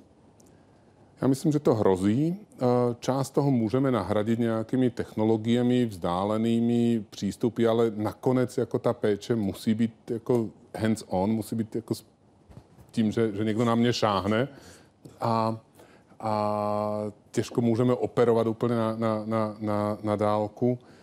Um, tak myslím si, že v těch pomáhajících profesích teď se s tím potkáváme při tom, jaká je situace, situace na trhu práce, ale myslím si, že nejsme jediní. Jo? Ale um, do budoucna nejsem taky prognostik, ale, ale jistá obava v tom, jistou obavu v tom mám. Ano, Šantal chtěla doplnit? Já, já jenom eh, úplně, já nejsem žádná specialist, ale já si myslím, že zapomínáme, zapomínáme říct jednu věc. Je jak ten mladý člověk, když začíná do toho společnost, do naší evoluce a ta technologie, jak se má najít sám sebe, aby se vybral, na které cestách chce jít. A která, protože více a více mu tlačíme, aby to věděl, co chce dělat, aby studoval tyhle ty branži a tak dále. To znamená, že uh, musíme to taky ale uvažovat, jako mít respekt pro, pro tím, ten člověk, který neví automaticky a potřebuje ten čas najít. V dnešní době všechno rychle. Musíte tohle, tohleto a žádáme více a více. Někdy lidi potřebují mít víc času, aby našli anebo řešili určité věci a může být úplně udělat nádherný práce, ale potřebuje jiný čas. Mm-hmm. Jak všechno, nemáme, já mám pocit, že všechno trošku škatuleme. Mm-hmm. Jako dáme všechno do, do škatule. Každý individuál, tak každý člověk je jiný a funguje jiný. A nikdo nemůže říct, takhle to má fungovat a každý musí být. Jinak skončíme jako roboty všichni. Takhle to je můj názor. Další otázka. Uh, dobrý večer, já bych se chtěla zeptat paní Hlaváčkový na to, uh, že vlastně vy cestování berete jako takový odreagování od okolního světa. A zajímalo by mě, jestli byste to doporučila i ostatním jako detox, například o takových sociálních sítích. Jo. No. Já úplně nevím, jestli je to správná formulace odreagování od okolního světa. Spíš je to úplně jiný jako způsob života a úplně jiný svět. Uh, ale jako hory jsou fantastický detox vůči čemukoliv, co vás tady prostě nějakým způsobem omezuje nebo štve.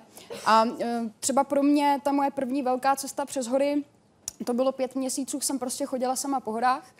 A uh, pro mě to byl obrovský detox, uh, nejenom jakoby od nějakého stresu z hlediska nějakých povinností nebo nějakého společenského tlaku, ale byl to i detox psychický. Jo? Já nevím, třeba jsem si přinesla nějaká traumata z dětství, jako mnozí z nás a tak, a ono se to tam všecko rozpustilo. Protože jak je člověk dlouho sám a pořád jako, jako jak chodí, že, tou přírodou, tak uh, co děláte, když jdete sama, že uh, přemýšlíte a furt se vám takhle něco honí v hlavě. Po čtyřech měsících už nemáte vůbec co jako vypřemýšlet. Už to všechno promlela prostě v té hlavě několikrát a je prostě konec. A jste úplně čistá. To je dobrá rada. Další, další z otázek studentek a studentů eh, Školy mezinárodních a veřejných vztahů v Praze. Kdo se ptá? Dál. Dobrý večer, moje otázka směřuje k panu Holému. Mě by zajímalo, co je podle vás nejvyš, největším důvodem, že lidé často nevyhledají pomoc se svými duševními nemocemi. Je to proto, že ji v sobě potlačují nebo že nemají čas? Co si myslíte, že je největší důvod? Obecně tomu říkáme stigma, které ale je v tom teda takový jako, jako negativní vnímání toho tématu. A jenom pro jednoduchost je dobré to rozdělit na to, že to stigma je společenské, to znamená, a opět zjednodušeně lidi se stydí, co řeknou ostatní, když oni půjdou vyhledat pomoc e, stran duševního zdraví, ale ta druhá a neméně významná část je sebestigmatizace, to znamená, ty lidi si často, nebo my lidi si často nechceme ani připustit, e, že jsme vlastně přijali to, to nebo tím, že jsme přijali to společenské stigma, tak sami před sebou se stydíme, protože máme duševní poruchu označenou jako neschopnost, nevýkonnost, vlastně nějakou lenost, takže si to sami před sebou nechceme přiznat. Takže, ale obecně stigma je, je to tím základním, základním faktorem, proč lidi nevyhledávají pomoc. Bylo to, pane docente Černý, v minulosti? No, samozřejmě. A, hm, psychiatrie je, myslím, stigmatizovaná daleko víc než e, jiné oblasti života. Není, není, není sama, třeba e, oblast e, sexuálně přenosných chorob, byla a je dosud stigmatizovaná. Našli bychom asi i nějaké další. A kdy, kdybych na to měl nějak navázat, tak bych ještě k tomu podotknul, že, že ten člověk často, myslím, touží po kontrole. Chceme mít kontrolu nad situací, protože pak máme pocit, že to zvládáme. A to, to navazuje jednak na některé ty předchozí otázky, které tady zazněly, protože dnešní mladý člověk chce mít kontrolu nad svým životem. A jednak, eh, když pak tedy narazíme na tu situaci v životě, která mm, potkává vel, velkou část populace a mnoho lidí tady v té místnosti, který se setká s duševní chorobou, tak taky jedna z věcí, která nás na té duševní chorobě nejvíc frustruje, je, že nad ní nemáme kontrolu. Hmm. Asi jedna, asi jedna čtvrtina, asi jedna čtvrtina Čechů se během života setká s nějakou uh, duševní poruchou osobně. Chantal. V, v Americe, jestli nemáš svůj psychiatr, nejseš, jsi nezmocný totiž. Jo, to je všechno opačně. To znamená, že já vždycky říkám, to je strašně důležitý aby každý z nás uvědomíme, zavoláš, eh, eh, žádáš o pomoc psy, psychiatr, jako když máš bolí krku, a potře- nebo máš nemoc a potřebuješ antibiotiku, tak musíš u lékař, tak to je stejně. Nemá člověk se stydět, že neví, jak ze sám sebe okamžik svůj života řešit. Jo? Tak to každý z nás. No já jsem volala pan doktora Holi, co já mám dělat? Jo. A co, já se nestydím. Každý. A tohle to je strašně důležité, protože víc čekáme a víc bude. Já si myslím, že od malinky můžeme mít dost, jako rodiče může vnímat, jestli to děťátko má problém, protože potom i do puberta, to je strašně důležité. A i mezi kamarádama, mezi kamarádama, které vnímá, že někdo z vás má problém, může říct, tak běž, zavolej, dáme číslo telefonu. A to je strašně, to je strašně důležité. Fakt opravdu. Tak další otázka. Kdo se ptá? Ano. Dobrý večer, moje jméno je Adam Uhlíř a svůj dotaz bych rád směřoval na paní herečku Chantal Pulen. Dobrý večer, Chantal. Dobrý Někteří večer. z dnešních uh, hostů hovořili na téma zaměstnání a vliv zaměstnání na osobní a neprofesní život. A mě by zajímalo, jak toto téma vnímáte vy. Eh, Jste herečka, naplňuje vás vaše profese, po případě vybíráte si své role na základě výšky honoráře, eh, nebo byste radši upřednostnila roli, která eh, vás bude bavit, ale bude sice méně odměněna? Děkuji za odpověď.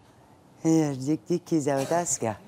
Ne, já dělám své profese a nikdy v životě mě to nenapadlo, že udělám poprvé naše profese tady v Čechách, teda když jedete do Americe, to je jiný kafe, ale tady uh, peníze nejsou velké. To znamená, že uh, dělám, jsem divadelník. A pro mě nejdůležitější je smysl, proč budu dělat to představení.